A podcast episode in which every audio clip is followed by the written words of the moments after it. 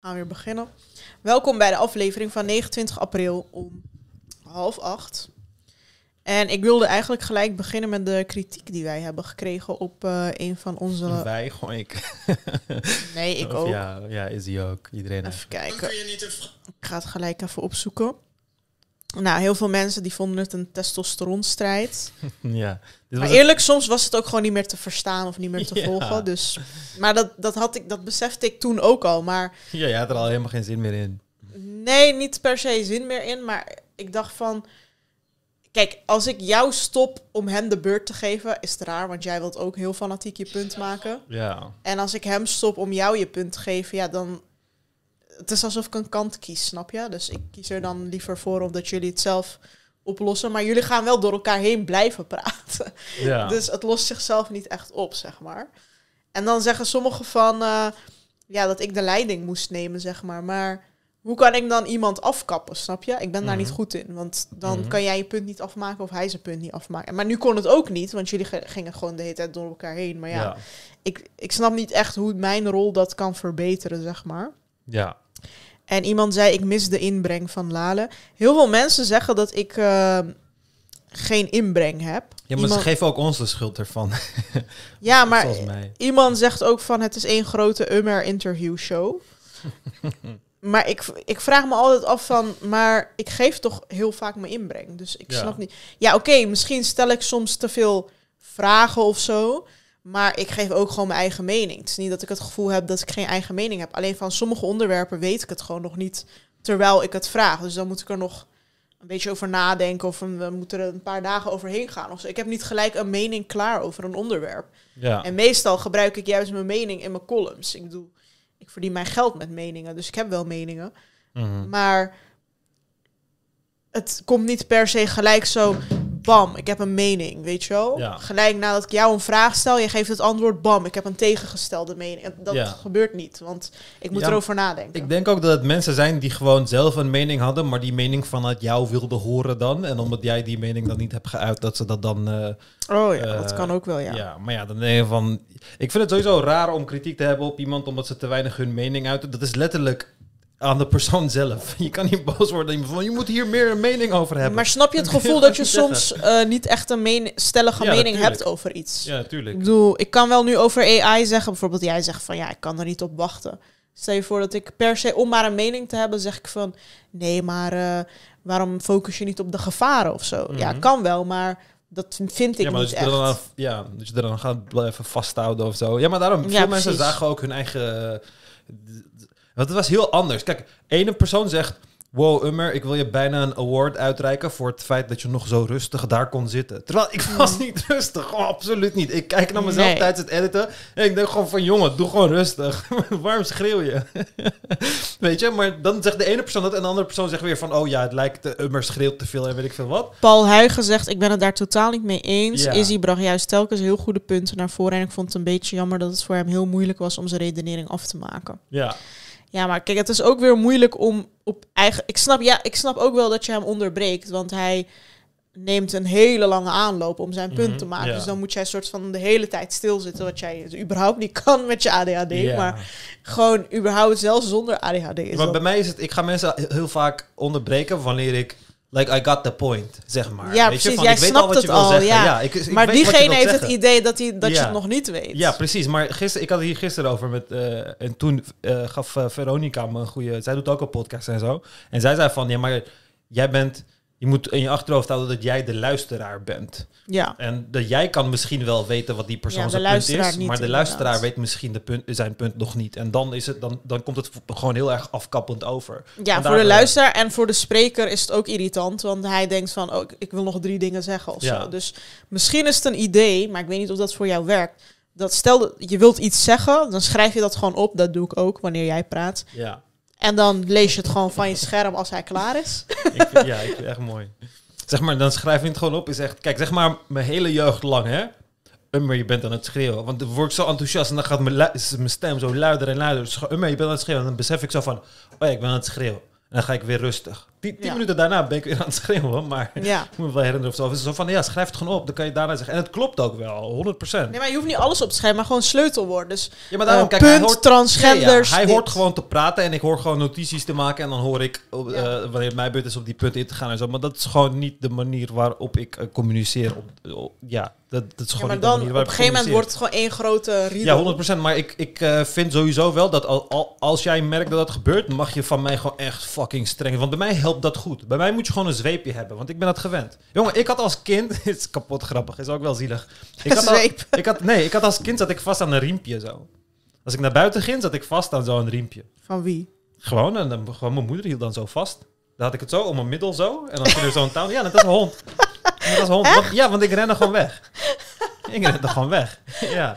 Hoe meer je vertelt over je jeugd, hoe meer Ja. medelijden ik met je Ja, ja, maar daarom, dus, dus eh, ik, ik weet het al. Ik heb het allemaal, ik, ik weet het ook. Het is ook niet dat ik het ga proberen te verdedigen of zo. Maar het werkt heel, heel goed bij mij om daar gewoon heel streng in te zijn. En ook gewoon als ik eh, te, te, te overenthousiast ben of aan het schreeuwen ben of whatever, dat helpt ook gewoon om dat te zeggen. Want ik merk dat op dat moment niet. Maar stel, jij bent zo je punt aan het maken en dan moet ik zeggen, hou bek. Ja, ja, ja, ja, ja, ja, dat kan je gewoon zeggen. Dat kan je Ja. gewoon zeggen. Want ik, Ook ik, niet echt chic. ik, kan wel, ik kan wel gewoon inzien eh, wanneer ik... eh, eh, op het moment niet, maar wanneer iemand me zo even bij de realiteit brengt... dan kan ik dat wel gewoon inzien. Dat is niet zo lastig. Maar daarom, ik, en ik denk dat Izzy daar op zich wel goed mee omgaat. Niet Ja, altijd, ik- maar kijk, ik kan ook wel echt het bloed onder je het nagels is niet dat hij hier weg is gelopen met eh, roep mij nooit Ja. meer. Ja, want bij mij is het ook zo van als ik zeg maar hetzelfde punt zo 40 keer moet maken, dan ga ik echt met 40 verschillende voorbeelden komen de hele tijd. En dan na een tijdje wordt het gewoon irritant en zo, weet je. Dus ik begrijp dat eh, ergens wel. Nee, maar ik denk vooral dat het voor de luisteraar irritant is, omdat ze echt willen weten wat Izzy te zeggen heeft, zeg maar. Ja. Op jouw punt. En op een gegeven moment gaan jullie dan door elkaar heen praten en dan versta je niemand meer eigenlijk, vooral. Ja. Kijk, ik versta jullie dan nog wel, maar als je luistert, dan versta je het gewoon helemaal niet meer. ja. Iemand zei, volgens mij weten de buren van Lale nu ook wel van het bestaan van deze podcast af. ik denk het ook. En even kijken, ik vergeet af en toe hoe gigantisch dom mensen kunnen zijn. Alhoewel je het ook letterlijk constant om je heen ziet. Door Ummers rappersvoorbeeld moest ik gelijk denken aan toen ik afgelopen zomer een paar mensen het verschil tussen den en dan uitlegde. Ze snapten het gewoon niet. Ja, toen kwam iemand over heel transgender dingen. Zo van, sorry Ummer, maar je argumenten wat betreft transgenderisme zijn zwak. Is heeft gelijk. Je hebt seks en je hebt gender. De punten die Is aanhaalt kloppen. Sterker nog, Is haalt wetenschappelijke feiten aan... terwijl jij, Ummer, anekdoten en niet vergelijkbare analogies kiest. Ik had hierbij het gevoel dat je wellicht vrienden in de alfabet community hebt... die je niet wilde kwetsen. Maar al bij al, Is heeft helemaal gelijk. Maar toen ging ik met deze persoon in discussie... en deze persoon, zijn punt was... Die reactie zie ik niet. Oh ja, dan moet je, eh, je moet, eh, eh, YouTube filtert heel veel, dus dan moet je boven waar je kan sorteren, moet je nieuwste eerst kiezen in plaats van beste Oh, reacties. Dan zie je alle reacties voor de mensen. Soms schrijven mensen dus een domme comment en dan wordt die gefilterd door YouTube. Dan zie je hem niet, want je ziet altijd de beste comments. En dan zeggen ze tegen me, oh je bent Oh. comments aan het verwijderen. En ze gaan Nu zie ik allemaal anderen. Ja, precies. Waarom moet Lala altijd een steek onder water geven richting Mokroos? Met haar walgelijke opmerkingen elke keer. Dat is wel minder. Als Turkse met analfabetische ouder zou je juist een toon lager moeten zingen. Waar heb ik een steek onder... Ja, ik weet het ook niet. Ik weet weet echt niet niet wat meer. deze persoon zegt. Ja, die maar, Krambo. maar die persoon van die transgenders, die zei basically van dat ik zei dat trans eh, vrouwen biologisch vrouwen zijn. En eh, dat het absoluut niet zo is en dat het onwetenschappelijk is. Maar we hebben nooit die discussie gehad, ik en die hebben nooit de discussie gehad van dat ik vond dat transvrouwen biologische vrouwen zijn. Het is gewoon van, Nee. het zijn vrouwen. Ja. Want wat wij als vrouwen... Gewoon als sociaal, Precies, wat wij als vrouw onderstaan in de normale wereld is niet biologisch. We doen geen genital check. We gaan nooit checken of je een kut hebt of hoe je chromosomen zijn. Als je eruit ziet als een vrouw, je gedraagt als vrouw, je kleedt als vrouw, dan zien we je als vrouw, letterlijk. Dat is wat we, we hebben gehad. Maar dit is dan dat mensen hun eigen frustraties die ze hebben in het onderwerp. Want ik heb dat, die discussie niet eens met Izzy gevolgd. Maar in deze reactie doet hij alsof Izzy heeft geclaimd van transvrouwen zijn geen echte vrouwen. En ik heb gezegd, nee, het zijn echte biologische vrouwen. Terwijl we die discussie gewoon niet hebben gehad. En dan ga ik met die persoon in discussie en dan stopt het zo. En dan is het van, oh ja, oh ja, ik, eh, inderdaad. Maar het zijn mensen hun eigen frustraties die ze dan daarop gaan uiten. Beauty Nien zegt, Ummer is net een gefrustreerde Turk. Wil alleen zijn eigen gelijk hebben en niemand mag een andere mening hebben. Dat is echt niet waar, maar goed. Dat je, dat, je, dat je een andere mening hebt en daar enthousiast over doet, wil niet Ja. zeggen dat iemand anders een Zeg maar, andere niemand mag een andere mening hebben, dat is best wel... Dan zouden we geen podcast hebben en Ja, ik ben hier zeg maar letterlijk voor, voor het recht om een andere mening te hebben, zeg maar. En van andere mensen om het recht om een andere mening te hebben. Mhm. En ik heb fucking vaak voor die moslims hier lopen verdedigen, man. Ik vind dat echt jammer, weet je. Dat ik gewoon al die shit over me heen krijg, omdat ik af en toe zo moslims wel verdedig, omdat ik het net iets te ver ga, gaan vind. En dan komen ze met, oh nee, ja, even weer zo'n atheïst. Alleen zijn eigen mening, wil alleen zijn eigen gelijk. Nee, grap. Als ik alleen mijn eigen gelijk wilde halen, waren jullie allemaal dood. Ik zie nu zoveel comments die ik niet zag. Grapje. Ja, dat zie je veel meer inderdaad. Hoe lang bestaat de mens al? Tienduizenden jaren. In de afgelopen tientallen jaren zijn we massaal zo leuk. medicijnen gaan gebruiken. Mijn vraag, hoe heeft de mens hiervoor al die tijd kunnen overleven zonder deze hulpmiddelen? Het antwoord, nou gewoon, juist ja. Niet normaal praten wat niet normaal is. Je bent een ordinaire drugsgebruiker. Alleen als het op kinderen aankomt, verandert de zaak. Ritalin-gebruikers zeggen ook vaak, hierdoor voel ik mij weer normaal. Nee, gozer, je bent letterlijk high. Zoals een drugsgebruiker, met alle gevolgen voor je omgeving van dien. De aandeelhouders en belanghebbenden zijn wel dankbaar. Dat dan weer wel. Ja, dit was echt zo'n dom persoon. Allereerst, hoe lang bestaat de mens al? Tienduizenden jaren. Gewoon door dat te zeggen. En dat, dat is het mooie van domme mensen. Ze snappen niet hoe, hoe, hoe, hoe, hoe makkelijk het overkomt dat je dom bent. De mens bestaat niet tienduizenden jaren. De mens bestaat honderdduizend jaren. Honderdduizenden jaren. Maar het feit dat je dit simpele biologische feitje al fout had... voorspelt niet veel goeds voor de rest van de feiten, zeg maar. En het probleem is, kijk, in die discussie met Izzy... Het probleem dat ik met, die hele, met deze hele bias heb... is dat mensen dingen in het brein als niet echt zien. Het is soort van, als, ik, als, ik, als er iets mist in mijn lichaam... mijn lichaam kan iets minder goed aanmaken... en ik moet daar medicatie voor nemen... of ik nou kind ben of niet, maakt geen reet uit. Als ik insuline moet bijprikken... of eh, Ja. whatever... eh, weet ik veel, schildklier shit moet slikken, whatever. Dan vindt niemand dat erg. Maar zodra het over het brein gaat waar exact hetzelfde gebeurt. Maar mensen hebben zo'n dom idee. En ja, mensen, worden, mensen werden ook boos dat ik so- sommige shit te snel dom noemde. Maar sorry, dit ga ik echt meermaals dom noemen in deze hele anekdote. Want het is zo dom. Er is, als jij met ADHD bent opgegroeid... ADHD is niet iets, hè? Het is niet iets. Het is niet een, een, een, een, een shit wat bestaat. Het is letterlijk gewoon een eh, disturbance in het brein. Het zorgt ervoor dat jij dopamine... Dat, dat jij een minder groot effect hebt op dopamine dan andere mensen. Je, het is een beetje ingewikkeld. Het heeft met reuptake en zo te maken. Maar je dopamine-systeem is gewoon niet, niet hetzelfde als andere mensen. En het feit dat jouw dopamine-systeem niet hetzelfde is als andere mensen. Want hij zegt: Oh, je bent niet. Ritalin-gebruikers zeggen ook vaak: Hierdoor voel ik mij weer normaal. Nee, gozer, je bent letterlijk high. Juist niet. Juist als je met ADHD bent geboren, dan ben je high. Dan ben je high. Want wat is high? High is letterlijk een altered eh, eh, state of mind, zeg maar. Dat bepaalde neurotransmitters hoger of lager is. Dat is wat er gebeurt als je drugs neemt. Maar als jij geboren bent met een verstoord neurotransmittersysteem, dan ben jij letterlijk high. Waarom denk je dat ADHD'ers hyperactief zijn? Alsof ze speed of coke hebben gesnoven, omdat ze high zijn. En die medicatie die jij dan neemt, die medicatie die normale mensen high, neemt, high maakt, want zodra normale mensen Ritalin gebruiken, dan worden ze high. Maar wanneer een kind met ADHD Ritalin gebruikt, dan wordt die rustig van een stimulant. Ritalin is een stimulant. Als een normaal persoon dat neemt, dan stuitert die. En iemand met ADHD, die wordt er rustig van. Waarom? Want die persoon heeft een ander brein. Het is een medische aandoening. En daar kun je gewoon medische hulpmiddelen bij gebruiken. Maar er is gewoon enorme bias tegenover eh, medicatie voor het brein. En Mensen van, oh, gevaarlijk en dit en dat. En dat komt ook door films en allemaal misinformatie en weet ik veel wat. Maar alle data, motherfucking alle data, laat gewoon zien dat kinderen met ADHD die aan de medicatie zijn geweest, het vele malen beter doen dan, vol- dan eh, wanneer ze volwassen zijn, dan kinderen die dat niet hebben gedaan.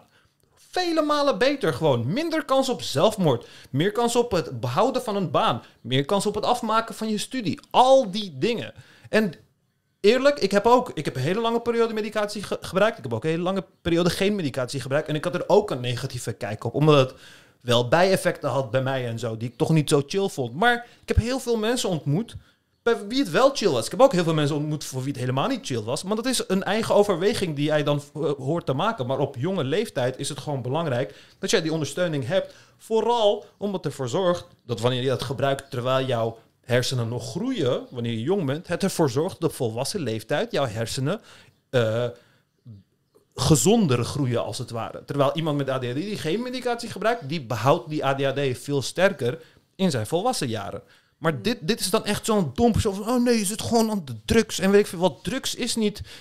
Mensen begrijpen ook niet hoe, hoe biochemie werkt. Drugs is niet van, ik neem cocaïne in en dan heb ik cocaïne in mijn brein. Het is gewoon, drugs is een medicijn die iets in het lichaam verhoogt In het of aanpast of whatever. Het betekent letterlijk medicijn. Ja. Ja. want het zijn medicijnen.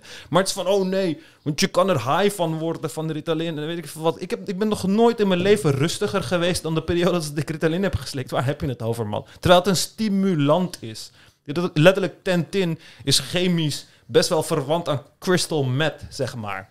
Ja. Shit waar mensen gewoon helemaal eh, lijp van worden. En uiteindelijk in hele kleine dosages en in een andere structuren kan het gewoon heel erg goed werken voor kinderen. En daar is helemaal niks mis mee. Als de data iets anders zou laten zien, zou ik de eerste zijn die er tegen zou, zou zijn. Maar de data laat dat niet zien. En als jij niet eens weet dat de mens niet tienduizenden jaren leeft, dan moet je hem niet komen op. Dan moet je even bij jezelf afvragen van, hé, hey, maar misschien, misschien is er toch iets wat ik niet weet, zeg maar. Misschien ben ik Mhm. toch een beetje onwetend. Dat is, wel handig om in je achterhoofd te houden, zeg maar. Voordat je zo helemaal in de... Dit is überhaupt een hele domme comment, zelfs voor mij. Want ehm, ze zegt, mensen hebben gewoon geleefd, nou gewoon. Maar gewoon, wat bedoel... Dit zijn van die mensen die, wanneer je het woord nature plakt op iets, dan vinden ze het goed, Ja, ja, ja. weet je wel? Dus alles wat Ja. naturel is. Eh, het is letterlijk een denkfout die appeal to nature heet. letterlijk. ja, en eh, als er op zo'n crème staat 99% natural ingredients, dan gaat zij hem kopen zo. Ja. Terwijl je kan Zou ook gewoon 1%... sperma in kunnen zitten. Ja, je kan ook natuurlijk. 1% gif erin zitten. Ja. Dus van die mensen die zeggen van... Wat bedoel je met mensen hebben tot nu toe gewoon geleefd? Weet je wel hoe mensen, hoe, er- wat voor erbarmelijke omstandigheden. Mensen Ja. gingen dood tijdens bevallingen, mensen gingen dood op hun twintigste, dertigste. Mhm. Mensen gingen dood aan diarree, aan de meest simpele ziektes, weet je wel. En dat is, dat, ja, maar mensen hebben toch overleefd. Oh, is dat jouw doel tegenwoordig, overleven? Oké, dus straks als jouw been bloedt, ga je het ook nat- natural eh, laten bloeden of zo. Gewoon, ja, ik snap gewoon die hele comment niet. Oké, even kijken, de rest lezen. Want ik zie nu allemaal comments die ik niet eh Ja, er was eentje met wie ik echt een lang discussie heb gehad. En die had echt problemen, man. Jezus Christus, wat had die veel Ik reageer normaal nooit, maar dit kan Ja, echt die, niet meer. dat is echt lang. Dat ga je echt niet kunnen lezen. Dat gaat heel lang door. Islamitische mannen wouden de vrouwen al weg uit het straatbeeld door de hijab. Nu ontkennen mannen het bestaan van vrouwen onder het mom van... Wat? Ja. Heb ik deze vergelijking echt gelezen? Het is heel simpel. Je bent als man, vrouw of intersex geboren. Daarbuiten bestaat er genderdysforie, wat absoluut erkend moet worden. Ja, waar hebben wij het dan over? Ja. Ik heb het zelf niet, maar omdat ik een empathisch persoon ben, kan ik me helemaal inbeelden dat het een kwelling moet zijn om het gevoel te hebben in het verkeerde lichaam. Ik kan respect ook brengen om het blablabla. Want er zijn echt. Er zijn er echt te veel die, zoals Izzy zegt, een stereotype nadoen. Dus ze mogen wel trans zijn, maar alleen op de manier zoals deze H het wil. Mhm. Sommige transvrouwen lijken letterlijk op een karikatuur van de vrouw. En dat is waar ik mijn grenzen trek. ook. Ja, en dat is waar ik mijn grenzen trek en dat mag je terf noemen. Dan ben ik dat met trots. Want vrouwen waren en zijn het onderdrukte gender en zo laat ik niet de spot met ons drijven. Ze is ineens de woordvoerder van de ja, precies. De hele tijd. Als je geaccepteerd als vrouw wilt worden door andere vrouwen, dien je het vrouw zijn te respecteren. En je dient altijd in je achterhoofd te houden dat je niet een echte vrouw bent en nooit, maar dan ook nooit, de echte struggles van een vrouw zal weten. Hoe het voelt om gemiddeld zwakker en korter te zijn. Hoe het voelt om gemiddeld. Wat, maar transgenders die hormonen slikken worden toch ook zwakker? Ja. Hoe het voelt om gemiddeld hogere kansen op seksuele aanranding. Dat hebben transgenders ook ja, Hoe het- precies. het voelt om een kind te dragen en te ze baren. Ja, oké, dat hebben sommige vrouwen ook niet. Ja, precies. Je kan jezelf niet forceren in een groep. Die houding zie ik bij te veel trans mensen. Het is gewoon zo van... ik own de schoolplein en jij mag er niet bij of zo. Mannen zijn onze oppressors, maar ik moet zonder enige twijfel een man accepteren in onze veilige vrouwengroep. Maar eh, ik haat mensen die in groepen en gemeenschappen Mhm. praten, want je bent geen groep. Ik voel, ik ben niet, ik behoor niet tot jouw groep, ik ken jou niet, weet je wel. Dus welke groep? Ja. Dat doe ik alleen als de transpersoon in kwestie beseft dat hij geen echte vrouw is en nooit vrouwelijke onderdrukking heeft meegemaakt en geen karikatuur van een vrouw nadoet en denkt dat hij de titel vrouw daarmee waard is. De titel zelfs. Oké, wow. Ja, en dat is het rare ook. Want uiteindelijk... Wat van, vermoeiend. Ik, ik wil trans mensen die, die beseffen dat ze niet een echte vrouw zijn. Zeg maar, alle trans, alle trans vrouwen beseffen, geloof mij, beseffen dat ze geen echte, echte vrouw zijn. Dat beseffen ze. En ze willen ook niet, zo, dit is net zoals die anderen. Ze willen ook niet dat jij denkt, dat, zij een, dat jij doet alsof zij biologisch vrouw zijn of zo. Dat Ja. willen ze ook niet. Ze willen dat je ze als vrouw behandelt en ziet. That's it. Niet dat je een echte, echte vrouw bent. Een echte, echte vrouw heeft dus met die dingen te maken. Dan moet je controleren of iemand een kut heeft. En ik vind het prima als je over wilt op dat systeem, maar dan moet ik je kut zien. En dat wil je waarschijnlijk niet. Dat wil je waarschijnlijk niet. Want wat we nu doen is gewoon... Jij voelt je een vrouw. Motherfucker, als jij een snor hebt... Dan zeg ik ook niet, je bent nu een man. Als jij een snor hebt, je gedraagt je... Je kleedt je als vrouw en weet ik veel wat allemaal... Dan noem ik je gewoon vrouw. Zoals dat hoort. Maar deze persoon de hele tijd van transvrouw en dit... En dan de hele tijd als hij benoemen... Je bent de titel vrouw niet waard... En je gaat de vrouwelijke struggles nooit kennen. Maar denk je dat als een man vrouw wordt... Dat, dat, dat, die, dat die dan niet de struggles van een vrouw krijgt. Denk je dat wij mannen zo naar vrouwen kijken en denken van... Hmm, welke zou een echte vrouw zijn? Alleen die ga ik onderdrukken. Nee! Als je eruit ziet als een vrouw en je bent kleiner en je bent zwakker... en je ziet eruit als een vrouw, dan gaan mannen je onderdrukken. Het boeit letterlijk niet of daaronder een lul of een kut hangt. Het boeit letterlijk niet. Het boeit letterlijk Ja. nooit. En dat is het. Maar zij doet dan alsof... Alsof die mensen die struggles niet kan kennen, gaat kennen. Terwijl al die punten die genoemd zijn, letterlijk ook bij trans mensen voorkomen. Behalve het zwanger kunnen worden. En dan ben je letterlijk hetgeen aan het doen. Wat ik toen ook zei. Je bent een vrouw aan het reduceren tot haar fucking baarmoeder. En dat is niet wat vrouwen zijn. Je zit letterlijk aan de andere kant van de discussie te verdedigen wat je niet hoort te verdedigen. En ik heb een hele lange discussie met deze chick gehad. En uiteindelijk kwam het erop neer, want hier is het van trans mensen en ze zijn nooit echte vrouwen. En uiteindelijk, na 3000 keer van argumenten veranderen, ging het, ging het erom, blijkbaar, dat zij tegen mannen is die de hele tijd man, vrouw, man, vrouw, man, vrouw, man, vrouw. Daar kwam het uiteindelijk... Maar eh, wie, wie is dat dan? ja, ik heb geen idee, maar heel veel trauma. Want het begon de hele tijd met mannen dit en mannen dat en man dit en dit en dat. En het is ook wat ik altijd haat. Dit, dit is wat veel mensen ook niet begrijpen, hè. Je hebt die hele shit van... Ze zei van, ja, waarom zou ik een man laten in onze vrouwelijke ruimtes en zo? Dat zijn die dingen Ja. als wc en zo van, weet je. Maar zij zien dan van, oh, er komt zo'n man. Met zo'n fucking grote borstkas, biceps zo, maar dan een gala jurk aan zo, harige borst, dikke baard, en die komt dan de vrouwen-wc inlopen Nee. of zo. Maar als jij, ik snap het, en dat wil je dan niet, ik snap het, maar je snapt toch wel dat als een vrouw, als jij die realiteit wilt, ja, dan als een vrouw, een, trans, eh, een vrouw die dan trans man is, die die, die, die die overgang gaat maken naar man, testosteron spuit, naar de gym gaat, fucking lijp gespierd wordt, jou gewoon met één klap dood kan maken. Gewoon met één klap dood kan maken. Het is een vrouw, volgens jouw eigen benaming is het een vrouw, dus die kast toe, die kast toe met zijn dikke baard en zijn dikke spierballen, die wil je wel in de wc, toch? Want het is een vrouw. Volgens jou was dat een vrouw. Ja. Die wil je wel in de wc, maar die ga je ook niet in de wc willen. Want in de realiteit bepa- eh, kies jij niet, bepaal jij niet de gender van iemand door naar die persoons geslachtsdelen te kijken. Je kijkt letterlijk naar het uiterlijk, ten alle tijden. En dat is het domme van die hele trans-idee, want dus alle, alle transvrouwen die gewoon een lekker lichaam hebben, tieten hebben, het zijn eigenlijk mannen, dus loop gewoon topless. Loop gewoon topless met die dikke tieten. Loop gewoon topless. Laat het aan kinderen zien. Want het is niet erg als kinderen mannentepels zien, toch? Want het zijn eigenlijk mannen, toch? maar in de realiteit werkt het niet zo. We leven niet in die realiteit. Wat ik erop wil zeggen, deze persoon heeft inderdaad veel trauma, maar ze denkt ook heel erg in groepen van oké, mannen zijn zo, vrouwen zijn zo. Ja. Voor het laatste dacht ik ook zo toen ik 17 was, maar dat is gewoon niet zo. Kijk, eh, je hebt die vrouwen gehad die uit Nederland naar IS zijn gegaan en hun vrouwen letterlijk seksslaven eh, geregeld hebben en laten verkrachten voor hun ogen. Die eh, getuigenissen van die Yazidi-vrouwen zeggen ook in de kranten, die vrouwen waren erger dan de mannen. Mhm. Dus die waren nog strenger en nog, weet je wel, Hmm. nog onderdrukkender dan de mannen zelf, letterlijk. En die gingen dat zelfs aanmoedigen, dat systeem.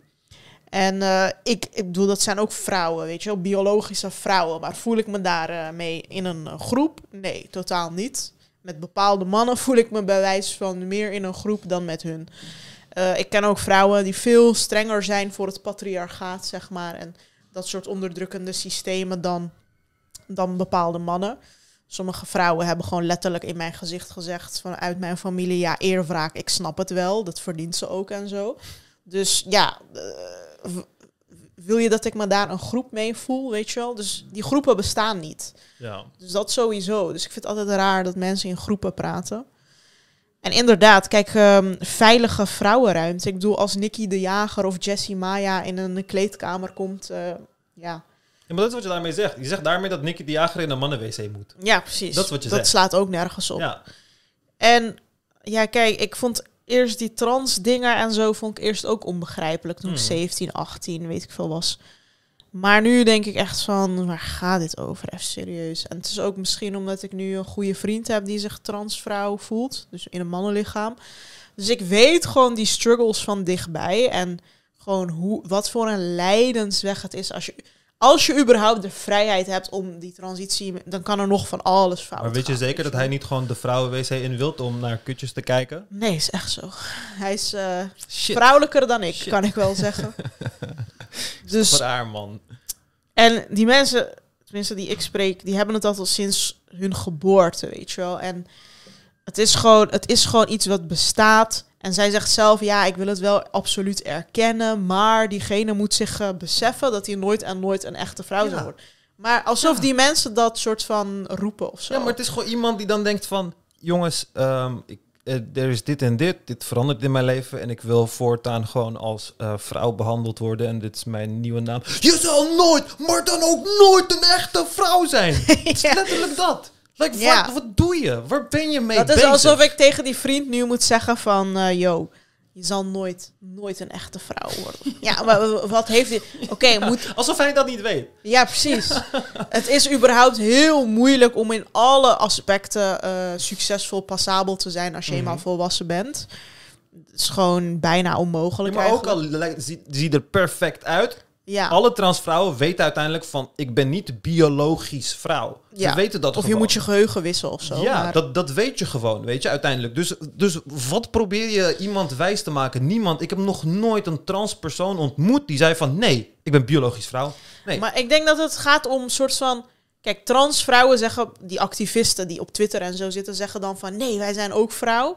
Maar zij bedoelen gewoon sociaal gezien. Mhm. Precies. Dus in de samenleving zijn zij ook vrouw. Maar daar ben ik het mee eens. Ja. Maar deze mensen kijken dan naar heel erg. Dat doet Wier Duk ook in zijn podcast. Ja, maar biologisch ben je nooit. Of, ja, maar wie heeft het over Ja, biologie? maar hoe weten we dat Wier Duk biologisch man is dan?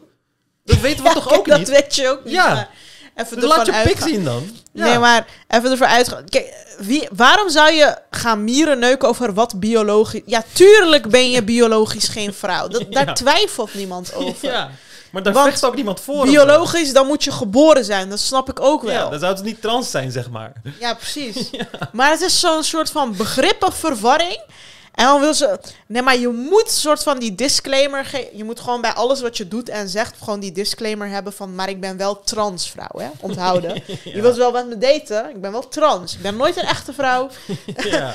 Dus, ja, het is echt een beetje zo onzin. Onzin discussie gewoon. Mm. En daar heeft ze gewoon zoveel tijd in gestoken om dit op te schrijven. Maar het is ook van, ze zei ook iets van ehm, eh, dat, eh, dat mannen dat doen omdat ze vrouwen niet meer willen respecteren of zo, zoiets. Dat ze Oh het ja. vrouw zijn niet meer En respecteren. met die zin begon ze. Nou, dat is Ja, echt ik het dan absurdste van, wat ik ooit Als heb dat gehoord. allemaal waar is, maar waarom zou een man dan een vrouw willen zijn?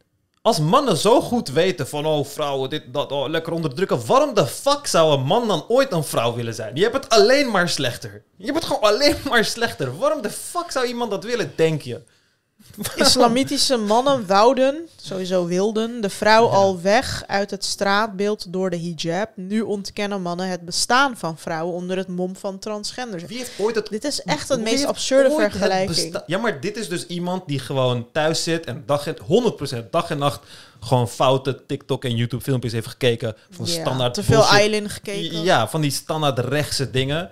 Want ik kwam uiteindelijk ook met een Amerikaans voorbeeld van, oh ja, kijk deze man, deze mag ik niet en zo. Weet je, en dan was het zo'n Amerikaans voorbeeld. En dan weet ik gewoon waar dit allemaal vandaan komt, man. Eerlijk, wanneer je uit je situatie bent later en je bent gelukkig en zo, dan ga je al deze shit vergeten. Dan ga je echt naar jezelf terugkijken en denken van, oh, gelukkig ben ik nu niet meer zo. Maar ook die zin, nu ontkennen mannen, dus echt alle mannen, het bestaan van vrouwen Wie? onder het mom van transgender zijn. Dus het zijn ook mannen. Dus vrouwen doen daar niet aan mee. Het zijn echt mannen. Ja, En ze ontkennen zelfs het bestaan van vrouwen. vrouwen staan niet. Volgens mij zijn meeste trans Dus nog die hele podcastaflevering over dat vrouwen niet bestaan. Ja, Zo dom, sorry. Oh. echt. In welke wereld leven deze mensen? Echt. Ja, maar dit is wel iemand die Maar echt onderdrukking iemand- heeft gekend van best wel veel onderdrukking heeft gekend van mannen en zo. Want in de verdere berichten gaat hij echt laap op mannen. En daarna zegt ze tegen mij dat omdat ik doorging in die discussie dat ik seksist ben. ja, Ja, dit zijn van die radicale mensen. ja. Die alle realiteitszin hebben verloren. Maar weet je wat deze mensen nodig hebben? Gewoon een gesprek met iemand die transgender is. Gewoon zo'n Mhm. één op één gesprek. Gewoon koffietje.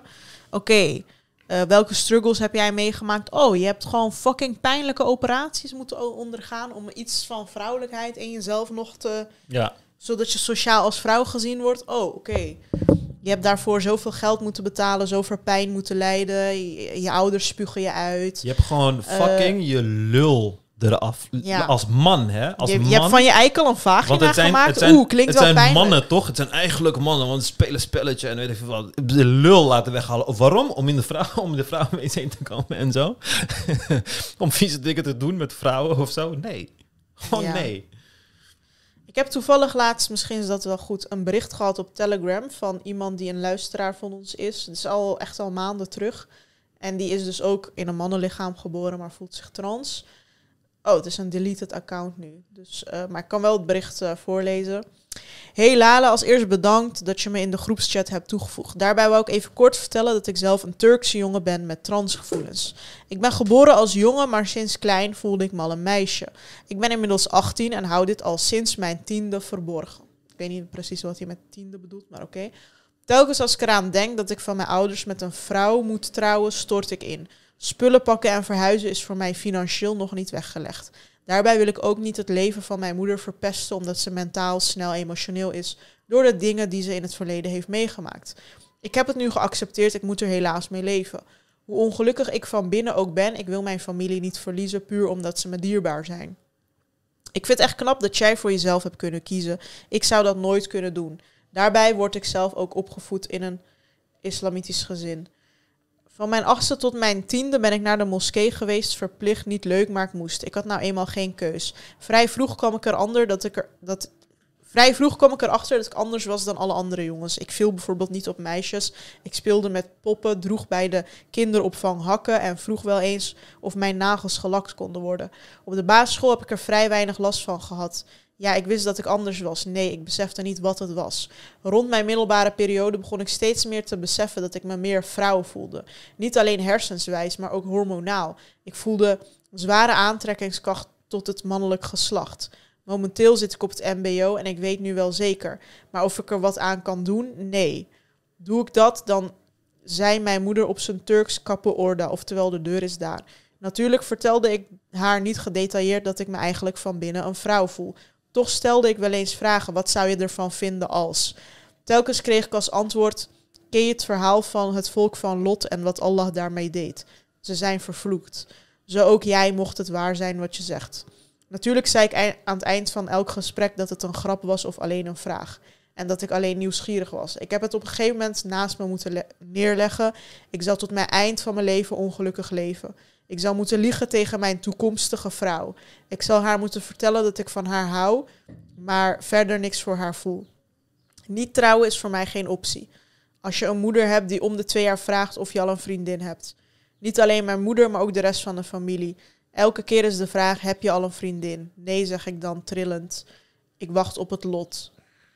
Het heeft geen nut om een vriendin te nemen als ik er islamitisch gezin toch niks mee mag doen, antwoord ik dan. Gelukkig kan ik mezelf voor nu daarmee redden. Ik heb meerdere keren gedacht aan zelfmoord omdat het me op een gegeven moment te veel was. Ik ben ongelukkig en heel boos op God.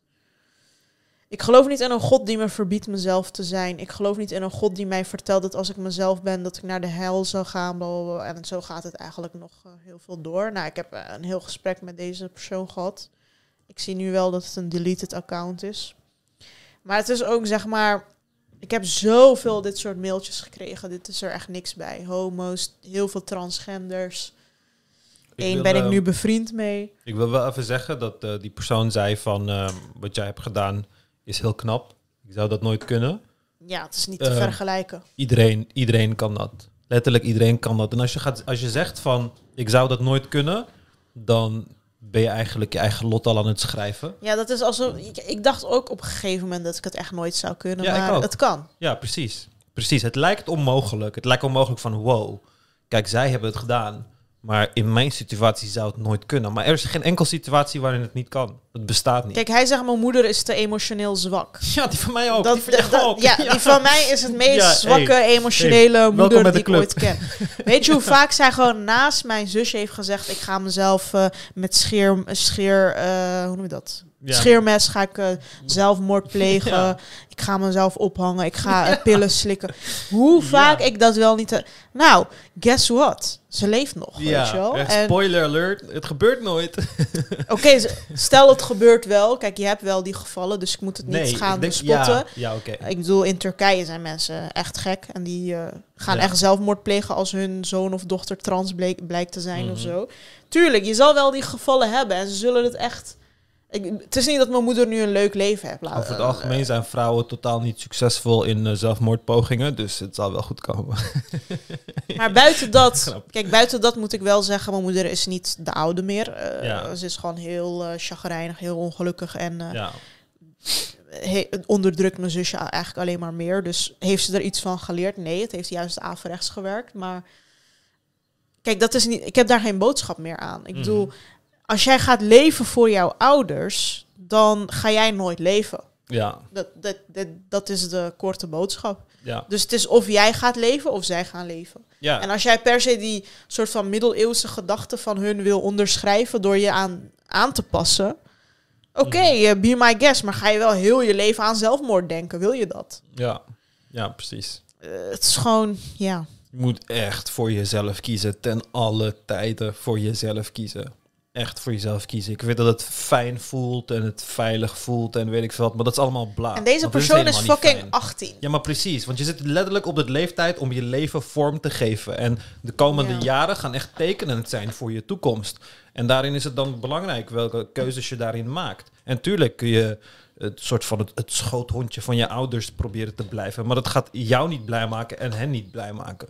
En uiteindelijk... Ja, wel, maar... Nee, maar uiteindelijk zijn ze ook niet... Ze leven in een leugen, man. Ze leven in een absolute ja, maar dat leugen. moeten we niet. Als hun kind letterlijk de hele tijd aan zelfmoord moet denken... en allerlei dat soort dingen letterlijk niet gelukkig kan zijn... dan ja, weet je, het zijn gewoon hele... Het zijn maar gewoon... die vriend van mij zegt van... Ik, ik denk letterlijk dat ze liever hebben dat ik zelfmoord pleeg dan trans word. Ja, fuck it, dan ga dan bij ze weg. Ga bij ze weg en doe alles wat je ooit in je leven wilde doen, man. Waarom? Waarom zou je je leven dan... Als je dat gelooft over je ouders... Waarom in hemelsnaam... Dan hou je ook niet van jezelf. Ja, ja, maar waarom... Ja, maar daarom. En dat is het aller, aller, allerbelangrijkste dat je moet leren. Want jou wordt ook ingepeperd om niet van jezelf te houden. Om niet op je eigen benen te staan en dat soort dingen. Maar je moet gewoon in de fucking spiegel kijken en houden van die gast die je daar ziet. En dan gewoon beseffen van dat jij, dat jij de enige bent die de teugels in handen heeft voor jouw leven. Jij moet het doen. Niemand gaat het voor je doen. Niemand, nooit. Jij bent degene die die stap gaat zetten. En vervolgens lukt het. En, en je merkt het ook, hè, want mensen hebben dan verteld van ja, ik heb allemaal gesprek met mijn ouders en op het einde zeg ik van ja, het was maar een grap en dit en dat. Ja, maar ooit op een dag ga je gewoon moeten zeggen dat het niet een grap is, man. Het is gewoon zo simpel, want het is ook geen grap. En zij hoeven het ook niet te zien als een grap. Maar het is ook van... Um, die ouders zien dat ook wel. Ik bedoel, als jij met poppen Precies. zit te dansen... Ik bedoel, die, als die ouders een beetje een soort van wereldwijs zijn... maar sommigen ontkennen dat denk Mhm. ik gewoon...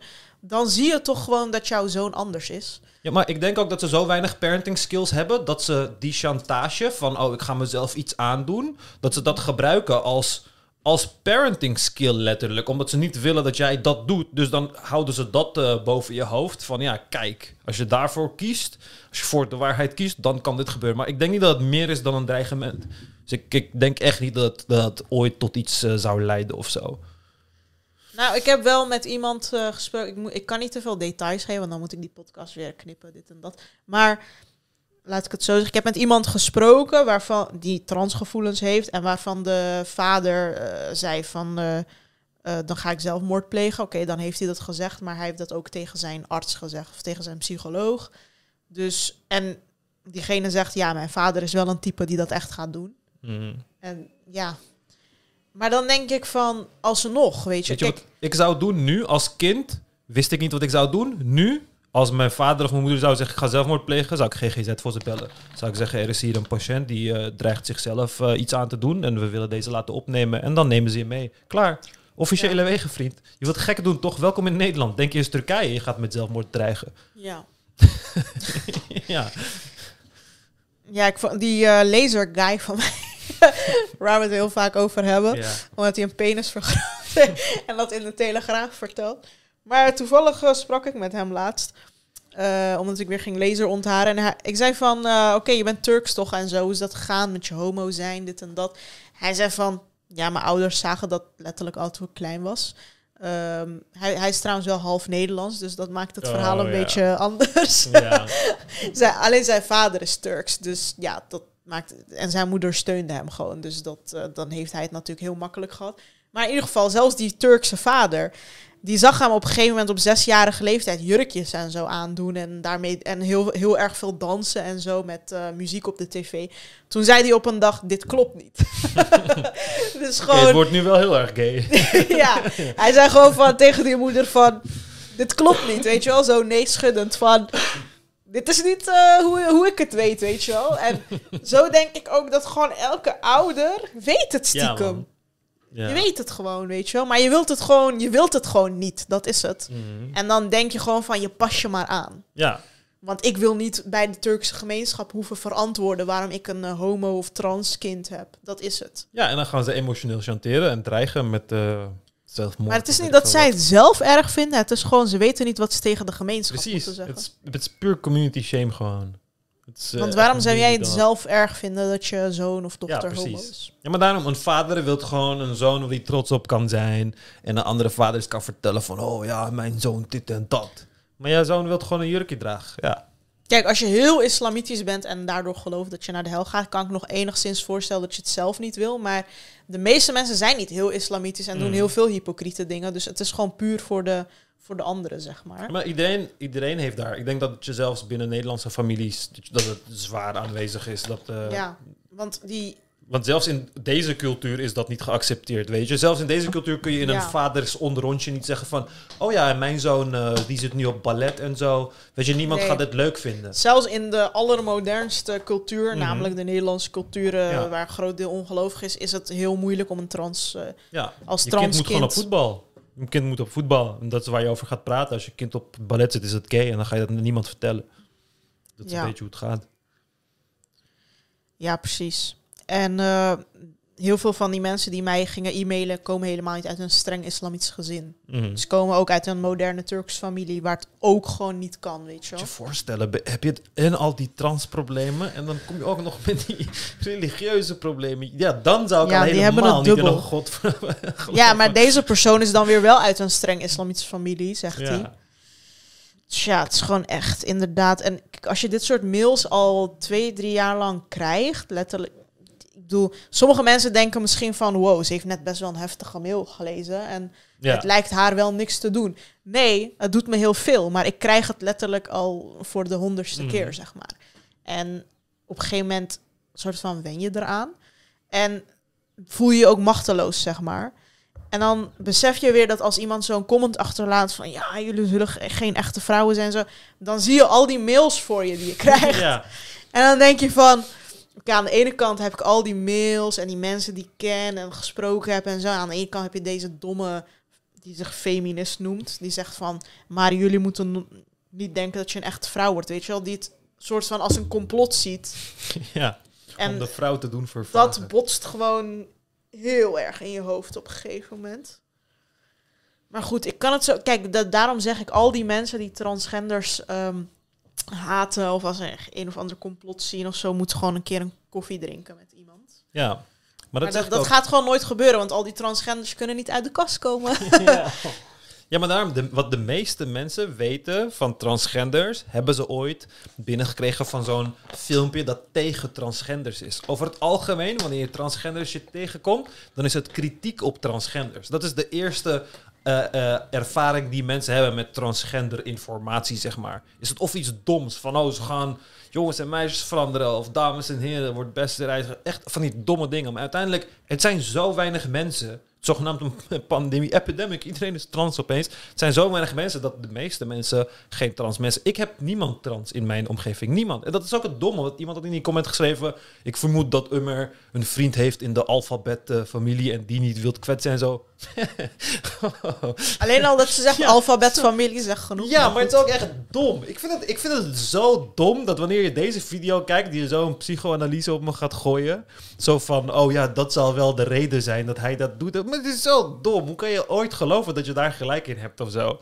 Weet je, terwijl ik nul keer fucking anekdotaal iets heb gebruikt of zo. Ik heb gewoon data daar tevoorschijn gehad. Maar dan doe ik het voor eh, fucking eh, mijn trans mattie die ik niet wil kwetsen. Dat zal de reden zijn. Ja, en weet je wat ook irritant is? Als je zeg maar past dat stage bent, zeg maar, van denken dat het allemaal een complot is en zo, dan voel je je gewoon net als die Oeganda-filmpje, weet je wel, over homo's.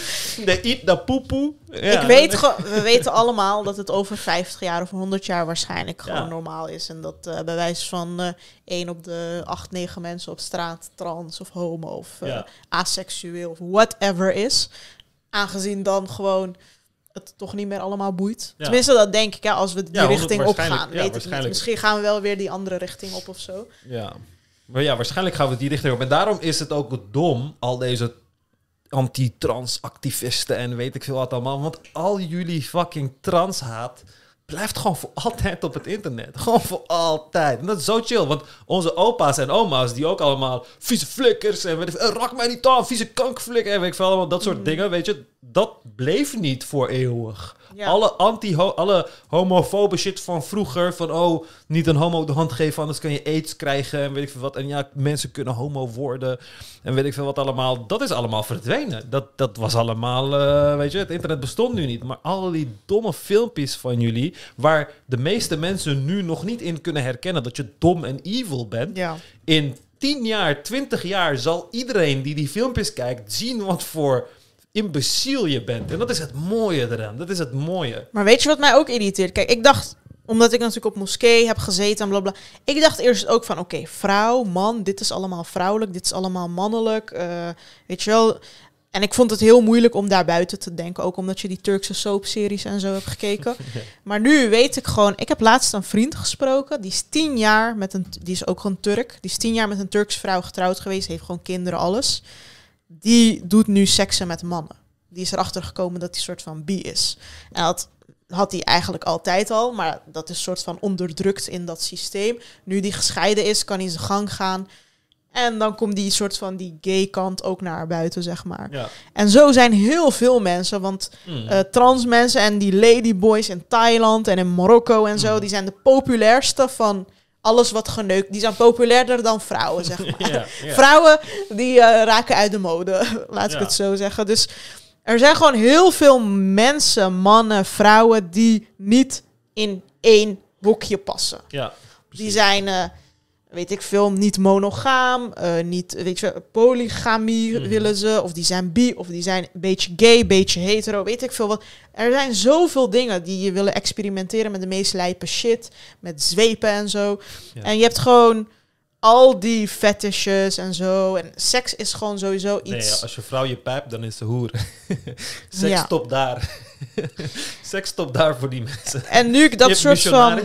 Ja, precies dat. En nu je dat weet, ik bedoel, ik spreek mensen die komen met de lijn, dat ik denk, wow, bestaat dat gewoon?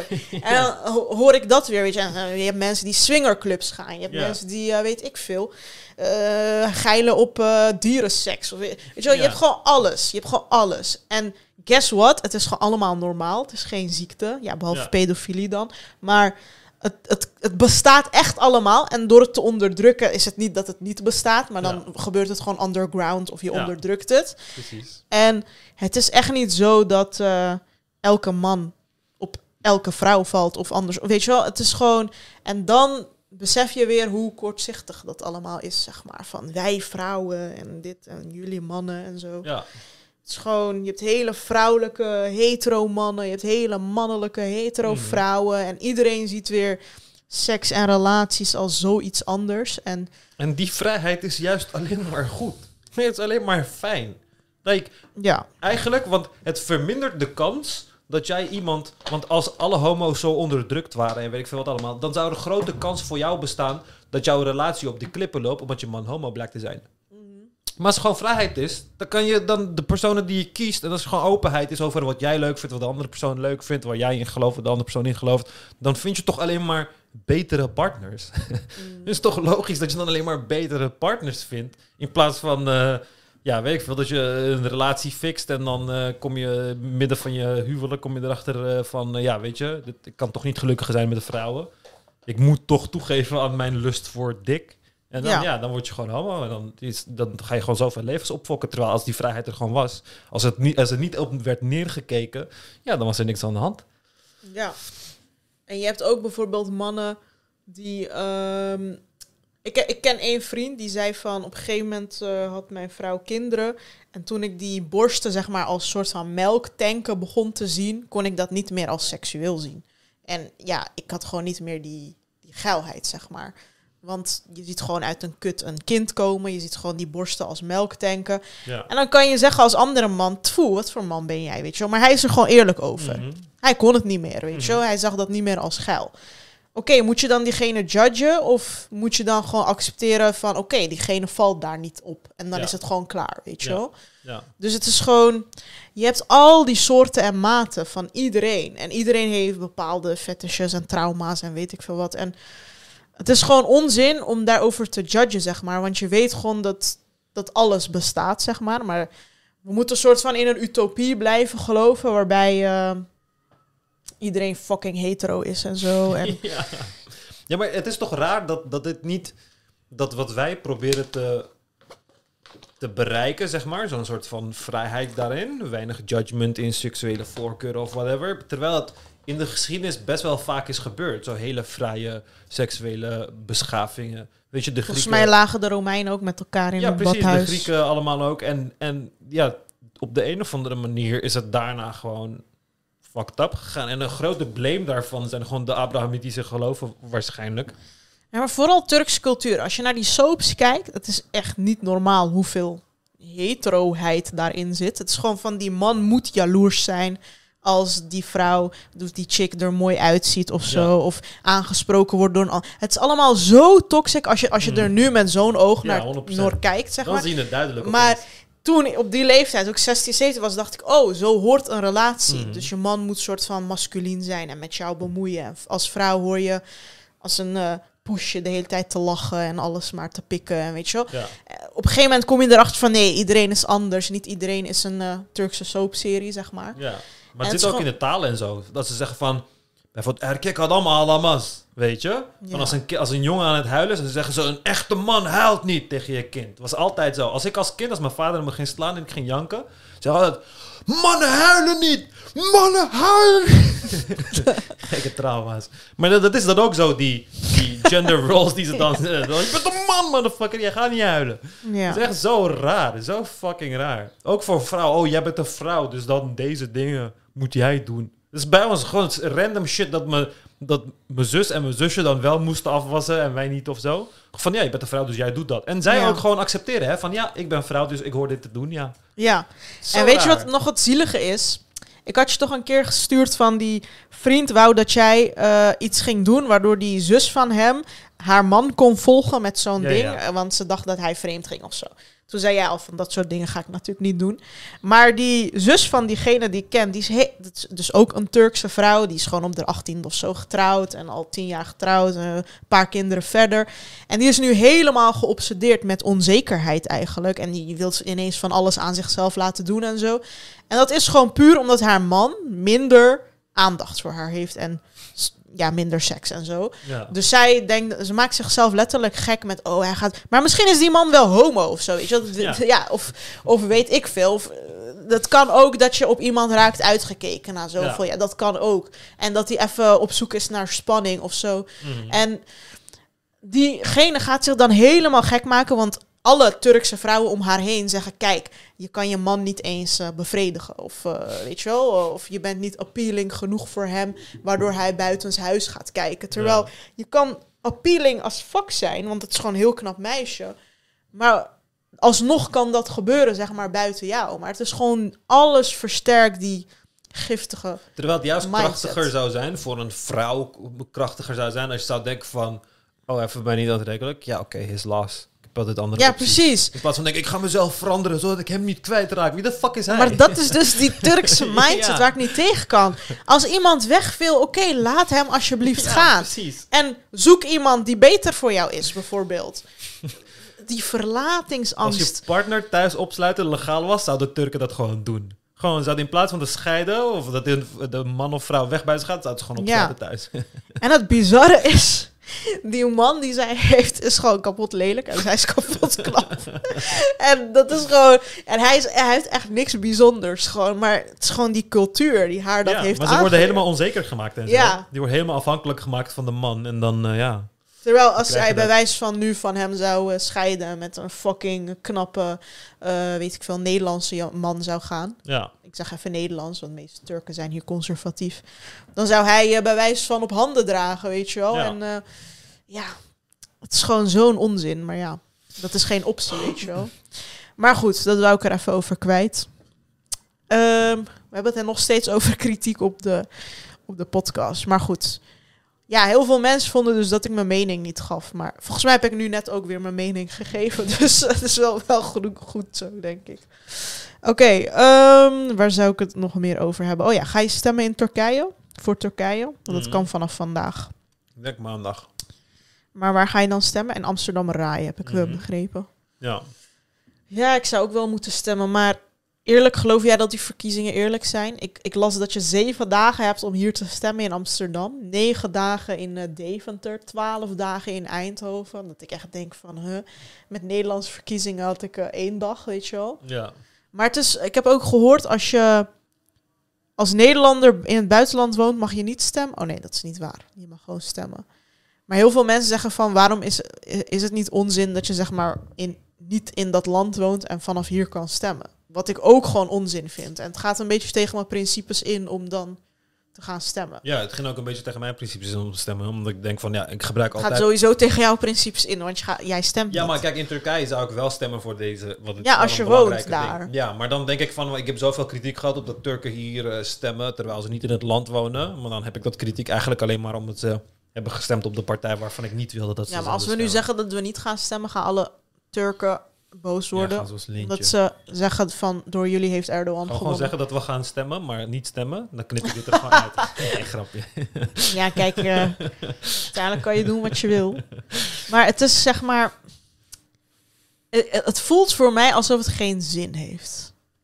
Nou. En dat, dat gevoel heb jij denk ik ook. mhm. Aan de ene kant omdat ik niet geloof in eerlijke verkiezingen. Maar goed, laten we zeggen dat het eerlijk is. Ik zie zoveel massa's, zeg maar, wel op Erdogan stemmen. Dat ik denk, ja, maar jullie verdienen niet beter of zo. Dus dan wil ik ook niet voor het betere variant stemmen. Van, zij moeten het zelf inzien, weet je wel. Mhm. Zij moeten zelf. Kijk, dat land, die mensen die in dat land wonen, moeten zelf tot de conclusie komen dat Erdogan weg moet. Ik moet dat niet voor hun bepalen. Ik woon Ja. daar niet. Ik zie Turkije fucking als een vakantieland. Dus waarom zou ik dan de betere variant voor hun moeten kiezen dan? Ja. Laat ze het maar oplossen. Laat ze maar zelf tot dat inzicht komen, toch? Maar ja, Ja. Dat, dat gaan ze niet komen, dat weet ik ook wel. Ja, maar het is ook wel, het is ook van, het is, het land is echt verdeeld in dat opzicht, weet je. Ja, het is Turkije zou echt 50-50. echt in tweeën gesplitst moeten worden. Ja, eigenlijk is dat de oplossing. Het is Echt. een beetje Amerika, ja, republikeinen, democraten, maar daar Mhm. gaat het niet zo heftig eraan toe. Ja, In Turkije is letterlijk gewoon een, een, een partij aan de macht die de, die de helft van het land gewoon echt gewoon uitkotst gewoon. ja. Die partij naar hun, maar ook hun naar die partij. En ze hebben gewoon niks met die partij, niks met die standpunten, niks met die leider. Ze willen niet door dat land gerepresenteerd worden op die manier. Mm. Hij zegt weer fucking dingen, domme dingen laatst over Israël. Heel veel moderne Turken denken: wie is deze man en waarom is hij mijn vertegenwoordiger? Weet je wel? Eh, educatiesysteem, inflatie, economie, corruptie. ehm, heel veel dingen, weet je wel, die niet goed gaan. En zij voelen gewoon zich zo machteloos, omdat ze weten dat die andere kant in de meerderheid is. Net een nipte meerderheid om te winnen, Ja. zeg maar. En als ze dat niet zijn, winnen ze toch wel, denk ik. Maar goed. In de laatste polls stond, staat Kılıçdaroğlu wel echt een stukje voorop. Ik Ja, ben benieuwd, maar ehm, ja, maar wat zeggen Pols? ja. Ja. dit, dit is zonder fraude, zeg maar. We gaan ook kijken wat de resultaten zijn met fraude. ja, plus rijken die Pols wel tot bewijs van mijn opa en oma die in Ja. de bergen van Siwas allemaal zeggen Erdogan. Want die mensen zijn diehard, hè? Die gaan gewoon achterop een ezel zo. Gewoon Ja. naar de grote stad om te stemmen. Precies. ik zweer, mijn oma is analfabeet. Ze kan nog geen... Ik had een keer een plaktattoo op mijn arm. Zei ze van, staat jouw naam daarop? Zo, erg is het gewoon. Ze kan de oven niet afstellen. Ze kan geen klok kijken. Maar ze weet wel dat ze op Erdogan moet stemmen. En zo heb je er Ja, miljoenen. ze hebben sowieso partijprogramma miljoenen. doorgenomen, alles.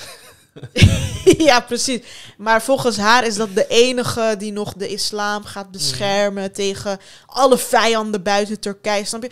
Ja, Die wereldbeeld, daar kan je niet tegen op. En guess what? Die mensen maken heel veel kinderen en eh, ja. eh, zijn met z'n velen. Dus daar, ga je, daar gaat geen ene Izmirli Turk tegenop kunnen stemmen, denk ik. Ja, maar daarom, want Turkije voor mij zijn die feelings echt ook zo 50-50.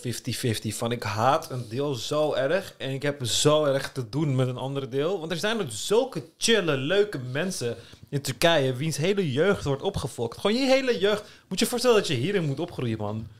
What the fuck? Gewoon in een Ja. paar, gewoon in een aantal jaren dat gewoon simpele dingen gewoon luxe items worden, omdat ze Ja. gewoon te duur zijn voor de meeste mensen. Ik hoor ook in video's, ja, vroeger kocht ik altijd eh kipdeuner, zeg maar, als eh, lunchpauze meal. En nu zie ik dat als een eh, luxe Ja, treat voor mezelf, zeg maar. En eh, ja. ik, ik, ik zit elke dag alleen maar brood te eten, omdat ik, dat het enige is wat ik kan betalen. En zo dan denk ik echt van, wow, ik gun jullie gewoon groente en fruit, zeg maar. ja. En, maar ga ik dat land redden? Dat is het. Het is zeg maar hun medeland. En ik heb laatst die video gedeeld in de donateursgroep. Het was helaas in het Turks, dus die andere mensen kunnen het niet begrijpen. Maar daarin had je iemand van de AK-partij en van de seculiere partij. En die van de AK-partij zegt gewoon van... Ik wil niet dat mijn dochter lesbisch wordt. En als ze Netflix kijken en Amazon en zo... Nou, dan zie je alleen maar LGBTQ-propaganda. En dat is een aanval op de... eh, op het gezinsleven zoals ik die ken en ik die wil houden en zo. Dat Maar- zien zij gewoon als een aanval. Maar die services zijn toch toen de AKP in, eh, in, aan de macht was geïntroduceerd in Turkije. Netflix en zo. Ja, ik weet niet. AKP heeft er niks tegen gedaan hoor. Ik weet niet of ze er nog iets tegen Ja, dat is allemaal natuurlijk ook niet logisch. Het zijn ook van die Amerikaanse talking points. Want in Amerika zeggen ze precies hetzelfde. Van dat, dat eh, Disney en Netflix allemaal een eh, LGBT-agenda hebben en kinderen gay proberen te maken. Ja. En, maar hij werd ook op een gegeven moment heel heet in zijn hoofd van... wat is dat voor vrijheid? Want die ander zei van, ja, maar dat is toch vrijheid? Toen zei hij, dat is niks vrijheid aan. Dat belemmert mij in mijn vrijheid om een normaal gezin te hebben, zei hij. Toen dacht ik van, oké, nu volg ik het echt niet meer. Maar het is zeg maar, die emotie zit zo hoog. Zelfs in zo'n video gaan ze bijna vechten met elkaar. Ja. En dat is gewoon echt symbolisch voor de Turkse politiek. Dit zijn gewoon twee hoogopgeleiden die bijna met elkaar op de vuist gaan. Omdat Mhm. de een vindt dat je een gay wordt van Netflix en die ander zegt waar heb je het over. En ik snap gewoon heel erg de irritatie van die seculiere Turken. Maar ik raad ze gewoon aan, ga weg uit dat land. ja, even serieus. Dat is gewoon de oplossing op korte termijn. Ga daar weg. Kom naar of naar Europa of naar Amerika of weet ik veel wat. zeggen. Ja, van mij mogen ze ook naar Nederland komen, maar hier heb je geen huizen, dus ik weet niet wat je daarmee opschiet. Ga gewoon naar een plek waar je, weet ik, al is het Spanje. Spanje heb je zoveel kilometers land waar letterlijk één Ja, villa maar ze, staat. komen, ze worden bijna nergens. Ik heb een Turkse vriendin die nu in Spanje. eh ja, Spaanse cultuur lijkt ook heel erg op Ze, Turkse ze cultuur. studeert daar in Spanje, maar ze wilde een van haar vriendinnen of zo, die was, die zou, ik weet niet, die zou trouwen of zo, in Denemarken. Dus wilde ze daar naartoe. En toen werd gewoon visum geweigerd.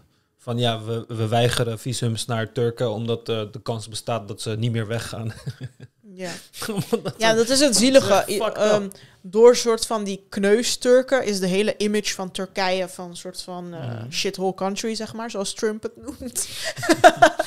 ik vind het trouwens zo prachtig van die man. Hij noemt gewoon landen in een speech shithole countries. Hoe krijg je het uit je Ja, daarom is hij mond. populair gewoon. Nee, maar het is zo bizar. Gewoon. Maar goed. Dus die hele image van Turkije is gewoon van ja, een stelletje geitenneukers die eh, niks weten of zo. Terwijl je hebt echt een deel, groot deel van Turkije die fucking seculier, modern, verlicht. Ja, vooral Gewoon de jeugd. Dezelfde mentaliteit als hier in Nederland. De jeugd inderdaad, maar ook gewoon de grote steden, eh, studenten, weet je wel. Heel wel veel eens- ook niet, dat moet erbij gezegd worden, maar heel veel ook wel. En ik vind het gewoon zielig voor hun. Ook toen ik die docu-opnames had in Izmir laatst, laatst, een paar maanden geleden, voor die Powervrouwen. eh is trouwens nu te zien op Viaplay. Ik weet niet of ik dat had gezegd. Maar toen, was ik dus, toen werd ik bege- begeleid door een eh, student Turk die daar die gewoon vloeiend Engels spreekt en die dat soort opnames voor docu's en zo begeleidt. En zij zei ook op een gegeven moment eh, in het Turks tegen mij van ja, ik kan mijn huur niet meer betalen in Istanbul. Het gaat letterlijk elke maand wordt het gewoon verdubbeld. Het is gewoon ik met een goede job. Ik begeleid letterlijk buitenlandse ehm documakers en zo. Van best wel grote zenders en zo. Zelfs ik kan het niet meer betalen. Ik moet letterlijk op mijn eh 35ste terug naar mijn ouders. Die in een of ander dorp wonen ver buiten Istanbul, weet je wel. En ze zegt van, ja, ik weet gewoon niet wat ik moet doen. Alles reist de pan uit. eh, weet je wel, ik, ik koop al maanden geen kleding meer. Ik kan nog geen, net mijn boodschappen betalen. En ik dacht van, maar als jij al in deze situatie zit, Mhm. weet je wel. En dat opende gewoon heel erg mijn ogen. Je hebt daar ook niet iets als sociale huurwoningen en zo, geloof ik. Dus je hebt gewoon, het is gewoon of je betaalt de eh, marktconforme huurprijs die elke maand verdubbelt op dit moment. Ja. Doordat er.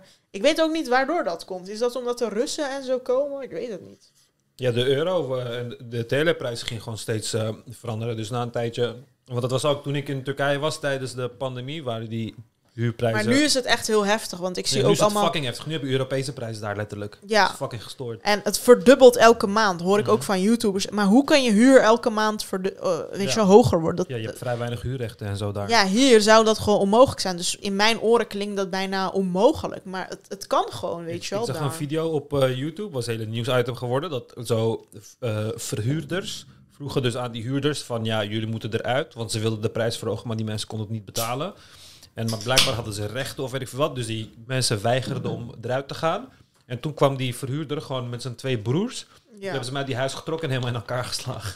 ja, dat soort dingen gebeuren. Good luck met zogenaamde rechten en zo. Hier zou, als dat, als dat je overkomt, zou je waarschijnlijk nog een eh, twee ton schadevergoeding krijgen nadat de rechtszaak afgelopen is. Ja. Maar daar, ja, daar heb je helemaal geen poot om op te staan. Ja, je hebt daar, het is een heel erg een cultuur van, je bent heel erg afhankelijk van je familie, van je netwerk, van je Mhm. ouders. Als die zeg maar ergens een eh, huis hebben, dan heb je nog onderdak, zeg maar. Maar voor de rest, als jij zeg maar, stel ik woon daar en ik doe mijn columns en zo, en op een gegeven moment kan ik gewoon niet meer mijn huur betalen. Dus mijn enige optie naar mijn ouders gaan. In. En voor de rest kan ik niks, weet je wel. En zo zijn er daar gewoon ingenieurs, afgestudeerde piloten, weet je, eh, marketing, alle, alle beroepen die zijn gewoon afgestudeerd, unieopleiding, kunnen gewoon niet aan een goed betaalde baan komen of hun huur niet betalen. Het is Ja. gewoon echt fucking ziek. Ja, het is echt zielig. Maar daarom doet het ook pijn. Want wanneer jij zei, zei van, ga gewoon uit het land weg. En dat is ook het beste wat je kan doen voor jezelf. Op korte termijn is dat ja, enige oplossing. maar voor het land is het echt kut, weet je. Het is echt fucking kut. Ja, maar is dat land... Kijk, stel Erdogan wint weer deze verkiezingen. Uh, we kijken over uh, twee weken tv. Oh, hij heeft weer gewonnen. Oké, okay. Het wordt nog shittier.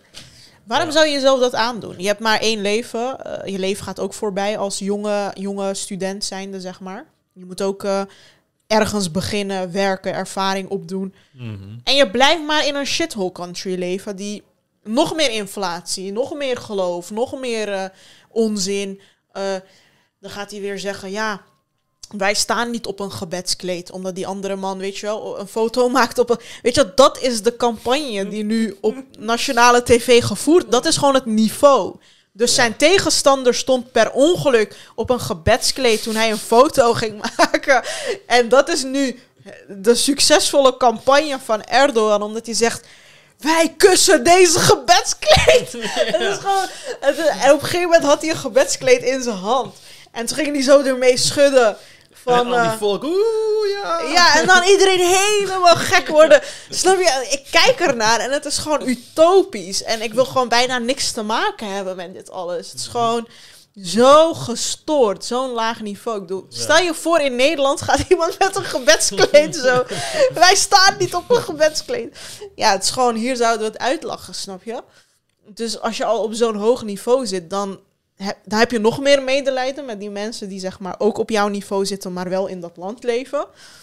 En dan denk je van, ga gewoon weg. Ga gewoon weg, alsjeblieft. maar ik weet, ja, ze kunnen ook niet weg, wat jij zei. Ze krijgen geen visum. Ja. Dat is ook, eh, dat is ook shitty about Ik heb it. zoveel mensen tips gegeven. Ik zei van, jongen, of je nou visum krijgt of niet, pak gewoon visum naar een of andere eh, Europees land. Pak gewoon de trein, whatever, naar Nederland. En dan ben je gewoon in Nederland. Kun je Kan je een visum krijgen dan? Nee, maar gewoon als je naar Griekenland waarschijnlijk wel of zo. Ik denk het ook niet. Ja, maar zelfs als je dat niet kan, spring gewoon over een hek, man. Bij, eh, hoe heet die plek? Daar, eh, die grens, hoe heet dat Dus dan ben je een student, ben je afgestudeerd als fucking advocaat of ingenieur. Ja, ga ga je over een hek alsof je, alsof je, ja, alsof je gewoon eh, ongeschoold bent of zo. Ja, maar ja, dan moet. Ik bedoel, als het land je niet binnen wilt laten, dan moet je dat gewoon doen. Je moet je eigen kans achterna gaan. Jolo, ik zou het gewoon doen. Kom je gewoon zwart werken, kom je gewoon met een dunner zak in eh, Nederland werken, tot je je shit op orde hebt. En dan, ja, dan doe je dat gewoon. Ja, het is echt eh, bizar. En ja, ik ga het allemaal volgen, die verkiezingen. Maar kijk, ik Ja, ga ik wel stemmen, maar ik ben gewoon... Ik weet nu al, Erdogan gaat winnen. Kijk, ik, ik weet, jullie willen positief blijven, maar... kijk, weet je wat het is? Men, heel veel moderne Turken beseffen niet wat de massa's zijn van die domme Turken, zeg maar. ja. Ik bedoel, als ik nu naar mijn ehm, Instagram van familieleden kijk, als ik eh, naar dat dorp zou gaan waar mijn ouders vandaan komen, weet je, iedereen, ja, het is gewoon iedereen, weet je, er is niet één die anders stemt. En zo heb je heel veel dorpen, heel veel mensen, heel veel steden, die, die zie je niet in polls, snap je? Dus ik weet dat ze waarschijnlijk meer stemmen gaan krijgen. Dus eh, ja, ik weet niet. Blijf hoopvol. ja, ik ben benieuwd. Ja, ik ben ook wel benieuwd. Ehm, even kijken. Ik had nog meer eh, punten. Oh ja. Er zijn dus mensen die vinden dat je biologisch moet verbouwen. Mhm. Dat zijn vooral linkse mensen. Mhm. En die zeggen dan van... ehm, ja, die eh, Roundup en zo spuiten, dat is niet goed.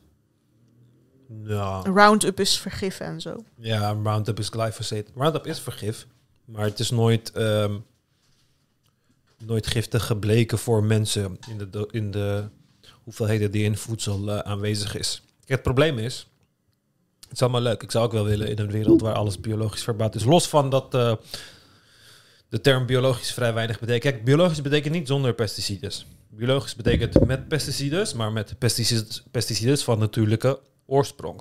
En pesticides van natuurlijke oorsprong kunnen net zo gevaarlijk zijn als pesticides van, eh, van synthetische oorsprong. Heel vaak bij biologische telers, biologische telers moeten ook allemaal eh, eh, respirator op en beschermingspak wanneer ze aan het spuiten zijn en shit. Je hebt best wel veel eh, biologische bestrijdingsmiddelen die zorgen voor Parkinson's in boeren in Frankrijk en weet ik veel wat allemaal.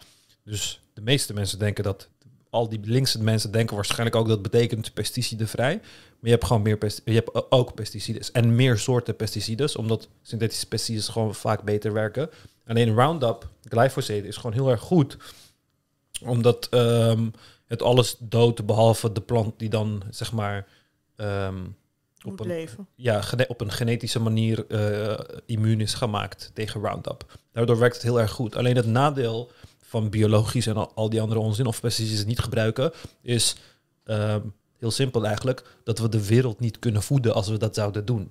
Zeg maar. We kunnen veel meer voedsel verbouwen per hectare landbouwgrond met de moderne landbouw en de pesticiden die we daarbij gebruiken. Als we biologisch zouden gaan, dan zouden we de helft van de wereld moeten doen uitsterven, zeg maar. En dat is gewoon niet heel chill. Biologisch kun je alleen betalen als je eh, daar het geld voor hebt. En in principe ben je dan ook voedsel afhandig aan het maken van andere mensen, omdat er minder voedsel ver- verbouwd wordt per hectare. Maar het heeft niet echt eh, benefici- beneficial eh, dingen in de, in de zin van eh, dat het voedzamer is of zo, is het niet. Het is ook niet veiliger. Eh, tenzij je helemaal zonder pesticiden zou gaan, pesticiden zou gaan, natuurlijk, dan zou het ietsje veiliger zijn. Alleen dat kan niet, want dan ga je gewoon geen oogst hebben heel vaak. Dan ga je heel vaak lege schappen in de supermarkt en zo hebben. Ehm, dus we kunnen gewoon niet naar zo'n toekomst. Het is gewoon letterlijk onmogelijk. Om de wereld te voeden moet onze voedselvoorraad zo efficiënt mogelijk.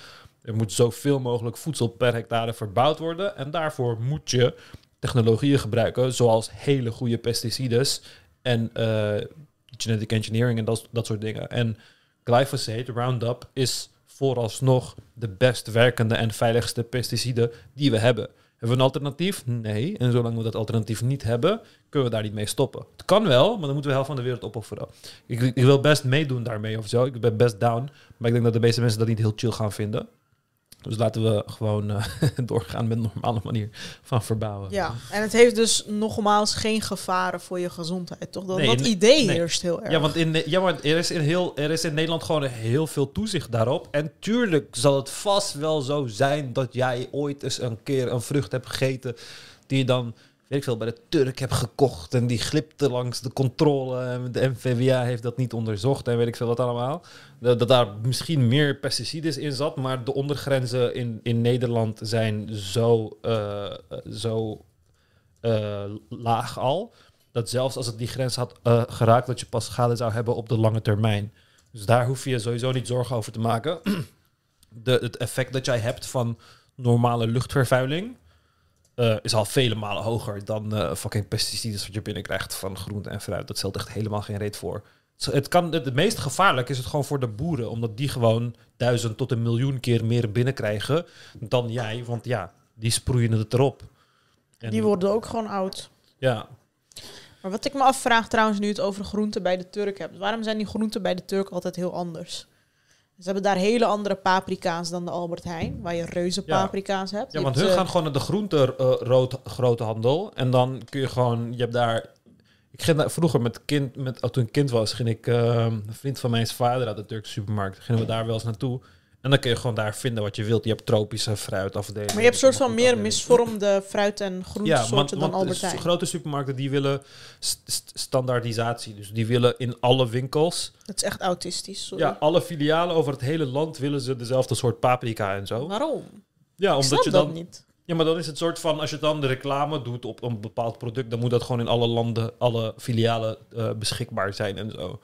Anders krijg je, het is gewoon net als, het is, is gewoon die familiarity en ja, inderdaad autistisch. Net zoals McDonald's heeft dat toch? Het maakt uit waar je naar de McDonald's, McDonald's gaat, het is de McDonald's.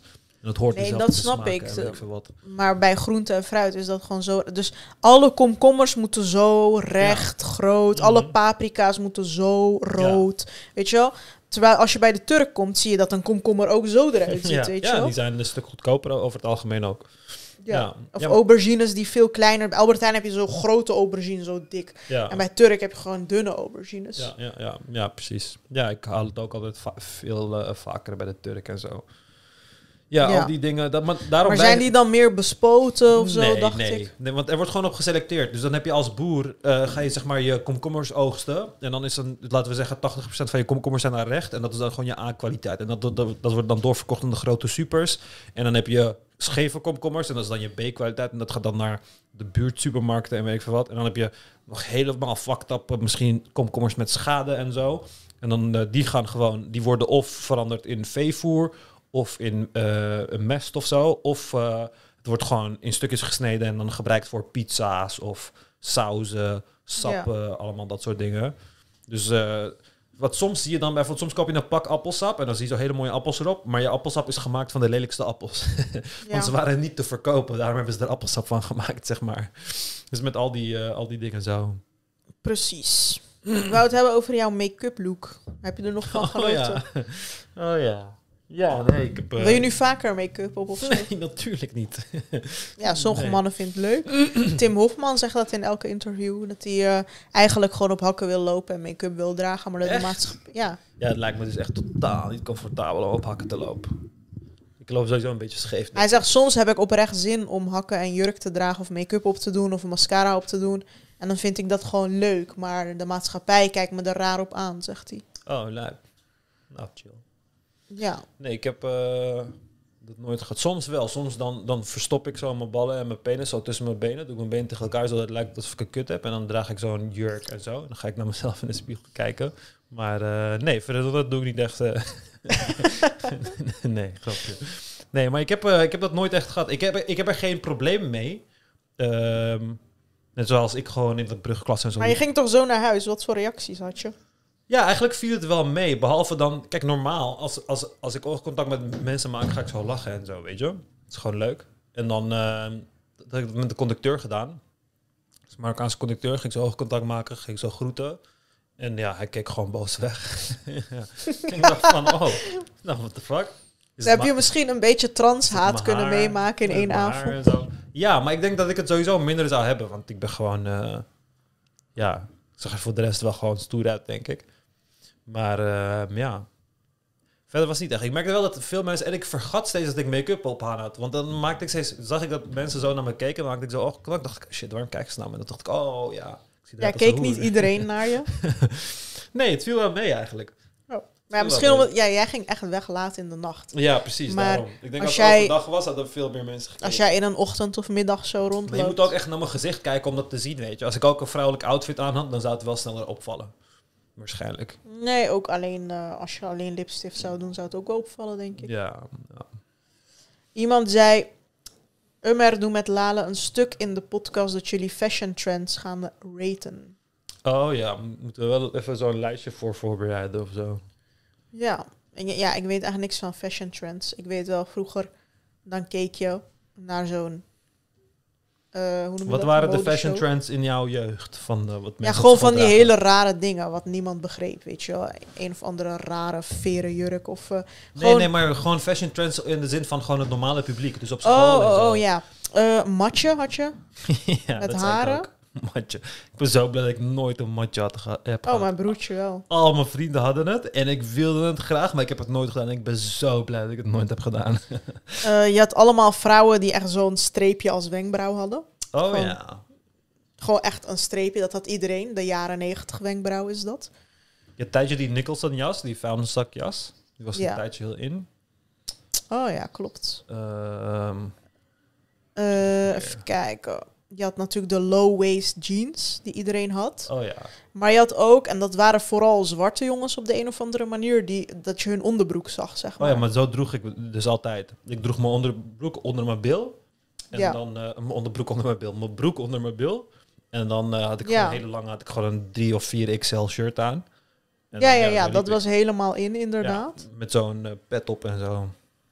Ja, Zogenaamd hip-hop. inderdaad. Eh, JBL-headphones waren een tijdje echt in, dat iedereen ze droeg. Blackberries heb ik meegemaakt. Ja, Ja. dat is niet echt een trend. Ehm, ja, je hebt dat merk niet meer. Op een gegeven moment had iedereen een Motorola-telefoon. Ja, je hebt ze nog wel. En toen wou ik er ook heel graag een, maar ik Ja, kreeg die er niet Razer, die hele dunne. Ja, die Ja. was echt eh, in mijn ogen toen helemaal eh, de shit.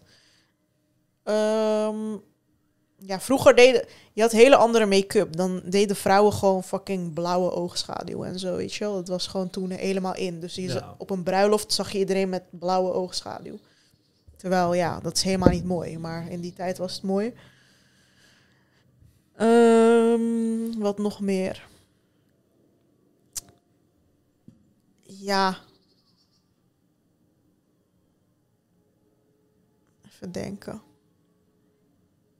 Ik weet nog dat ik een, ooi- ooit een heuptasje wilde zo.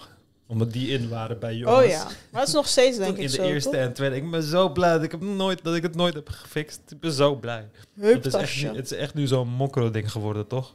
Ja. Vandaar zit je drugs in en zo. ja, op Koningsdag zag ik echt alleen maar jongens met heuptasjes. Dus het is nog steeds Ja. wel. Veel verdiend. Op een gegeven moment was het onder Turkse meiden iets om een neuspiercing te nemen. Mm, ja. Dat was echt helemaal in. Nu zie ik niemand meer, maar dat was toen echt. eh. En wat nog meer? Ik weet nog de overgang van baggy jeans naar skinny jeans bij mannen. Dat was ook wel. Skinny jeans heb ik wel gedragen voor een periode. Ja, skinny jeans was eerst heel homo. Ja. Nu draagt iedereen het. Kapot homo. Ik weet nog dat ik mensen uitschot van kapot gay draag je skinny jeans. En toen een paar jaar later droeg ik het ook. dacht ik, eh, Ja. eh, maar je bent ook homo geworden. Shit man. Nou, dit is ook skinny jeans, of niet? Ja, dit is ook skinny. Ja. Ja. Ja. Eh, wat nog meer? Je hebt echt veel fashion trends gehad, maar ik kom er nu even niet op. Je had heel veel meiden die hun hoofddoek van achter deden. Dat was ook eerst een tijdje een dingetje. Het is niet meer zo, maar zo. Echt alsof het een soort tulband was. ja. Deed iedereen. Mm, Chokers. chokers, oranje foundation. Dat was echt. eh, vroeger wisten men, had je geen Instagram en zo, dus heel veel mensen wisten niet hoe je make-up deed. Dus je ging maar gewoon naar de kruidvat en je kocht eh, foundation en het was altijd te oranje. Oh, ja, zou het internet en zou social media vrouwen collectief mooier hebben gemaakt? Ja, tuurlijk. beter- ja, ik heb wow. ook make-up van eh, Instagram geleerd. nagedacht. Of van YouTube, van Nicky de Jager letterlijk. Ehm, ja, je weet nu gewoon al die technieken, weet je wel. Van je moet eerst dat smeren. Maar eerst kocht je gewoon en iedereen deed Ja, maar ging wat. Gewoon fucking kloten, blauwe ja. oogschaduw. Ja, precies. En iedereen zag er gewoon als een Oompa Loompa uit. Want je was allemaal oranje in de brugklas. En ja, nail art was helemaal een dingetje onder meisjes. Allemaal figuren op je nagels. Ja. was nog steeds wel onder bepaalde mensen zo. Maar fashion, ja, UX. UX waren helemaal, eh, dat moet je hebben in de winter. Dat was vroeger zo. En Birkenstocks in de zomer. Moest iedereen hebben. Björn Borg Boxers. Ja. Björn Borg boxers. Dat moest je ook echt kunnen zien zo. Ehm, ja, gewoon die standaard merken wel. Ja, jassen werden op een gegeven moment heel belangrijk. Wat voor merk jas je had. Uh, Woolrich, Ja, ik ben dat. nooit aan meegedaan, gelukkig. Canada Goose, Woolrich, dat moest je hebben. Discord, Discord was ineens helemaal in. ik was één keer met, eh, met mijn vriendin. We wilden een Canada Goose jas voor mij halen. En op het laatste moment zei ik van nee, ik ga dit echt niet doen. Het is van eendeveren of 700, zo, 800 euro of zo voor een Ja. fucking jas. En die jas is dan gemaakt voor fucking Polar Expeditions. Voor wanneer je naar de Noordpool gaat, je weet Ja. toch? dacht ik van, what the fuck? Toen dacht ik van, waar, wat, wat gebeurt er? Hoe En ga dan zou je er echt straat hier? uitzien. Dat associeer ik in mijn hoofd met straat. Ja, en toen kocht ik gewoon een jas voor 100 euro. Dat is gewoon fucking chill. Heb ik hem gewoon 4, 5 jaar gebruikt. Dus ik heb hem nog steeds voor, waarschijnlijk. Het is allemaal overpriced ook. Maar nu is een de North Face hebben- heeft wel mooie jassen, vind ik. Nu draagt iedereen dat. Ja, maar da- dan vind ik het automatisch dus niet meer mooi. Zo van, oh, iedereen heeft het. Hè? Maar waarom zou ik het dan nog Ja. kopen? Ja. Waarom zou ik het dragen als iedereen het draagt? Ik vind dat zo raar. Bij mensen is het juist andersom. Zo van, iedereen heeft dat, dus ik moet dat nu ook. Maar, nou, ik vind ja. ze ook gewoon mooi. Maar misschien komt dat juist omdat iedereen het heeft. Ik weet niet hoe die processen in jou... Nee, ik, ik vond bijvoorbeeld die Balenciaga schoen die op een sok lijkt. Sorry, ik heb dat nooit begrepen. Maar heel veel mensen vinden dat mooi. En Jeezy slides en zo zijn natuurlijk in geweest. Mm. Maar wat is echt van vroeger? Ja, van de 90s had je die, eh, die Kappa en Umbro en zo, die merken. Ja. Die waren heel erg in. En dan hele grote logo's en zo over truien. Zo'n Tommy Hilfiger trui met fucking groot Tommy Hilfiger eroverheen en zo. Ja, precies. Maar ik heb ook het idee dat vroeger niemand echt bezig was met merken of zo. Dat is nu echt veel meer hoor. Ja, ja, ik weet niet. Bij mij op de, bij mij op eh, de middelbare school, ook op de basisschool, was het gewoon Nike, Adidas, Eastpak. Ik heb was 19s fashion trends opgezocht. Dat was het eigenlijk. Combat boots, claw clips, velvet suits, Ja, Thick headbands. bike shorts, slip dresses. Ja, ik weet niet, ik herken dit niet echt. Ik zat meer in die allochtone subcultuur. Maar in ieder geval, high-waist jeans bestond vroeger niet, dat weet ik nog. High-waist jeans? Oh, dat Nee, is om je onderbuik eh, in te drukken zo. Toch? Ja, gewoon high-waist jeans, wat nu gewoon tot je buik komt. Gewoon. Ja. Ik vind dat ook gewoon veel fijner dan gewoon hier. En die, ja, ik weet niet, dat snijdt dan zo in je heupen. Ik weet niet precies wat daar leuk aan is. Of misschien is dat bij mij zo, ik weet niet. Maar... Ja, ik kan niks verder verzinnen. Ja. Ja, ik denk dat ze allemaal wel hebben gehad. ja. Even kijken. Wat ik nog meer... Oh ja, Femke Halsema zei dat de war on drugs niet meer gaat lukken. Yes, yes. En heel veel mensen waarvan ik de podcast luister, die vinden dit echt belachelijk. Echt, echt krankzinnig gewoon dat ze dat heeft gezegd. Ze zeggen gewoon van, hè, maar wat wil ze dan? Wil ze alles legaal maken? Wat voor stad wordt Amsterdam dan? Wat gaan, wat gaan criminelen dan doen? Gaan die ineens uh, Straks- postbode worden? Straks wordt Amsterdam een stad waar mensen alleen maar allemaal coke gebruiken en MDMA gebruiken en allerlei soorten drugs gebruiken. Dan verandert het zo erg. Want nu in Amsterdam gebruiken mensen coke en MDMA. en doen ze alles. Nee, maar die mensen zeiden, stel de overheid gaat wiet telen. Ja, top. Dan krijg je criminelen die gaan een sterkere wiet telen. Nee, joh. sterkere Dat maakt helemaal niet uit. Het- gaat uiteindelijk om massa. Kijk, als de overheid genoeg wiet kan telen om... eh, en het gaat waarschijnlijk de overheid zijn. Het gaan, ze zijn nu met het experiment bezig al een paar jaar. Het gesloten koffieshop kring experiment. Een paar bedrijven hebben vergunning gekregen om wiet te telen. Er zijn gigantische telerijen, drie volgens mij in, in Nederland, die heel veel wiet telen. Alleen ze hebben, het, het is nog niet zo ver gekomen dat ze het ook mogen verkopen aan de koffieshop. Dat gaat in de komende maanden gebeuren. En dan zijn het vooral koffieshops in het zuiden van eh, Nederland die daaraan meedoen.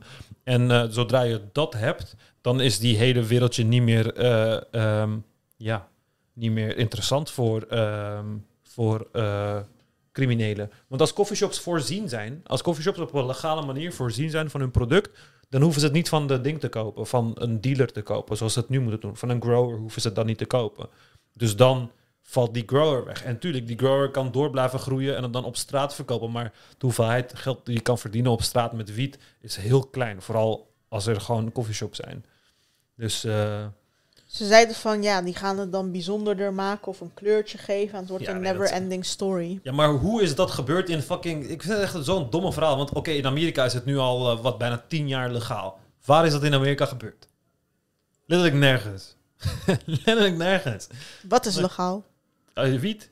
Ja, wiet, maar niet die andere drugs, toch?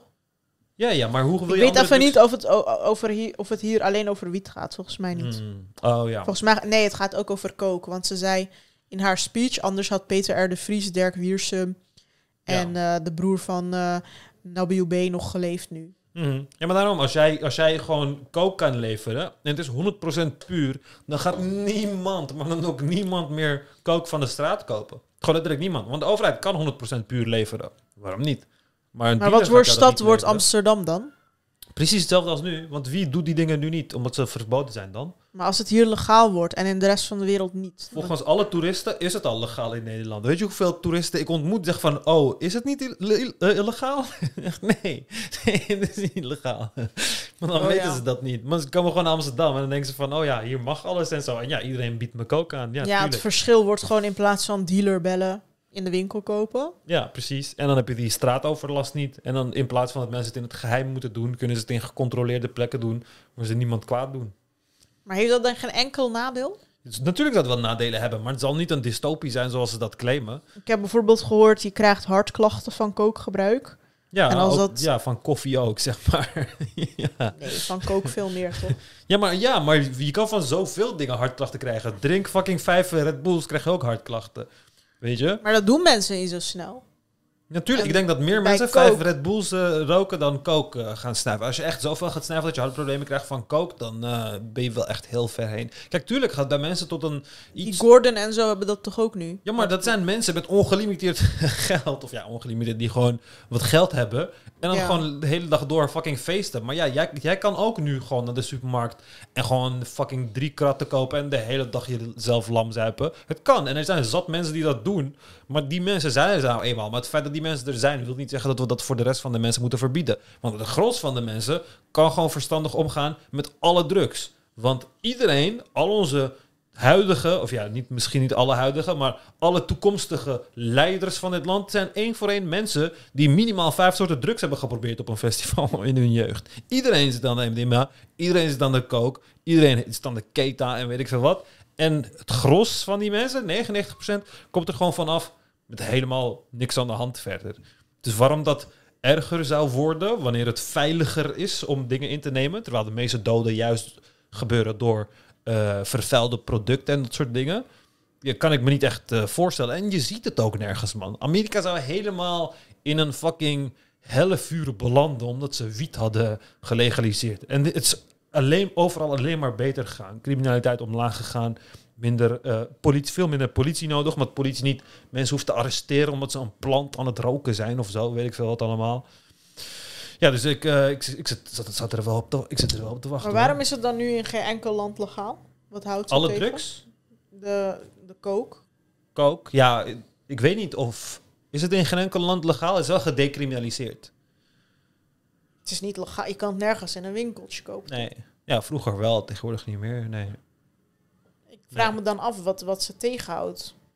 Ja, uiteindelijk moet jij voor jouw eigen productie zorgen als jij dat wilt voorzien. Als jij de wereld daarvan wilt voorzien. En op dit Nou, moment... wordt de samenleving daar beter van? Vraag ik me af. Ja, maar dat maakt dat de samenleving niet beter of slechter maken. Ik bedoel, maakt alcohol in de schappen de samenleving beter of slechter? Ik weet het niet. Maken sigaretten de wereld beter of slechter? Ik weet het niet. Ik denk dat het op, op Maar het dat zijn nog, zeg maar, je bent dan nog wel...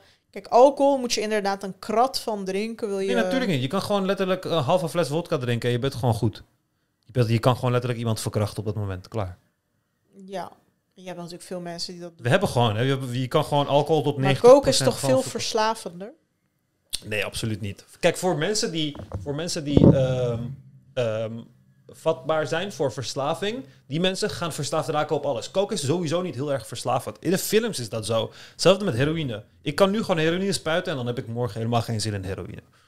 In de films is dat van, heb je het één keer gebruikt en dan ben je hooked on for life en zo. Maar het valt reuze mee. Mensen raken verslaafd omdat ze iets missen in hun leven en dat vervolgens opvullen met drugs. En dat kan coke zijn, het kan eh, alcohol zijn, het kan gamen zijn, het kan rukken zijn, het kan voor alles zijn.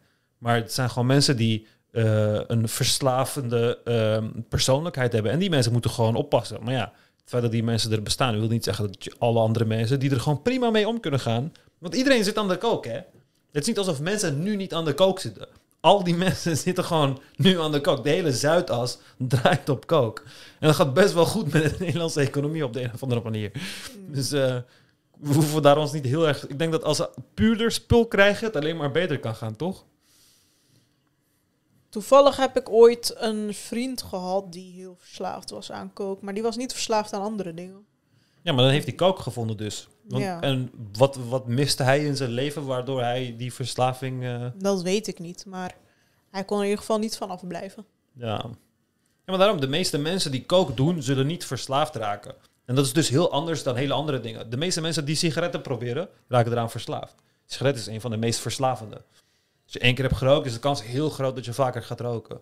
Met kook is dat niet zo. Ja, maar ik heb wel het idee dat sigaretten niet heel ontwrichtend zijn. Ik bedoel, heel Spanje rookt, heel Turkije rookt. En Ja, iedereen ja. gaat door met zijn leven. Zeg. Het zijn wel, het zijn wel En- grote kosten voor een land uiteindelijk. Dat ja, maar de meeste mensen worden gewoon oud, heb ik het idee. Ze gaan niet eh, per se eh, heel jong dood of zo. Ik bedoel, ik zie letterlijk in Spanje opaatjes nog steeds eh, roken. Dus het is en, en, ja, het, het, ver- het maakt je geen ander persoon of zo. Maar met coke verandert gewoon letterlijk je hele persoonlijkheid. En het duurt maar 20 minuten en dan moet je weer. En Het is gewoon heel ontwrichtend voor je portemonnee, voor je gezinsleven. maar dat zijn alle drugs uiteindelijk. Dat is alcohol, dat is roken, dat is wiet. Mm. Uiteindelijk is eh, dat allemaal vijf, tussen de 5 en 6 procent. Als je, Wat? als je coke gebruikt, kans dat je er verslaafd op raakt. Of nee, de- als je... eh, so it was- it was found the risk of becoming dependent on cocaine within two years of first use was 5 to 6 procent. Dat dus. Oké. En ja, persoonlijk vind ik dat niet eh, echt heel erg hoog of zo. 5% maar. 5 tot 6 procent. En het is Amerika. Ik denk dat we het hier wel beter kunnen.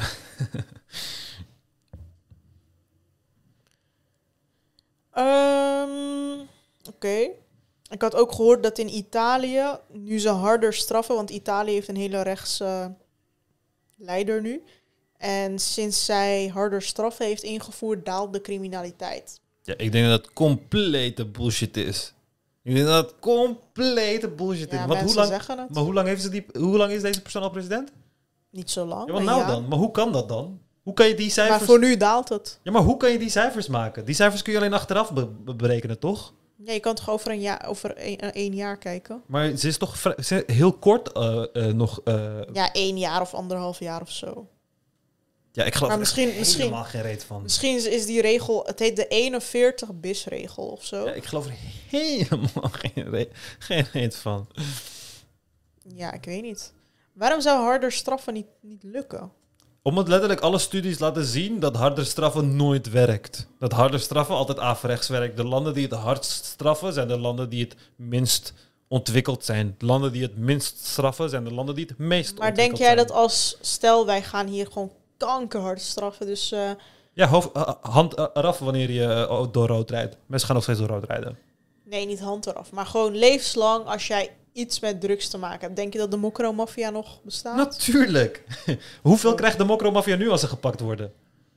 Denk je dat zij denken Niet van... veel. Denk je dat zij denken Vijf van, jaar? Ja, denk je dat zij denken van... Oh, ik moet vijf jaar zitten, dus dan ga ik het wel doen. Maar als ik levenslang moest zitten, niet. Nee, denk ja, ik denk wel dat die overweging... eh, In, eh, in eh, welk land is het? In één land is er eh, doodstraf op, eh, op drugsgebruik. En er is nog steeds...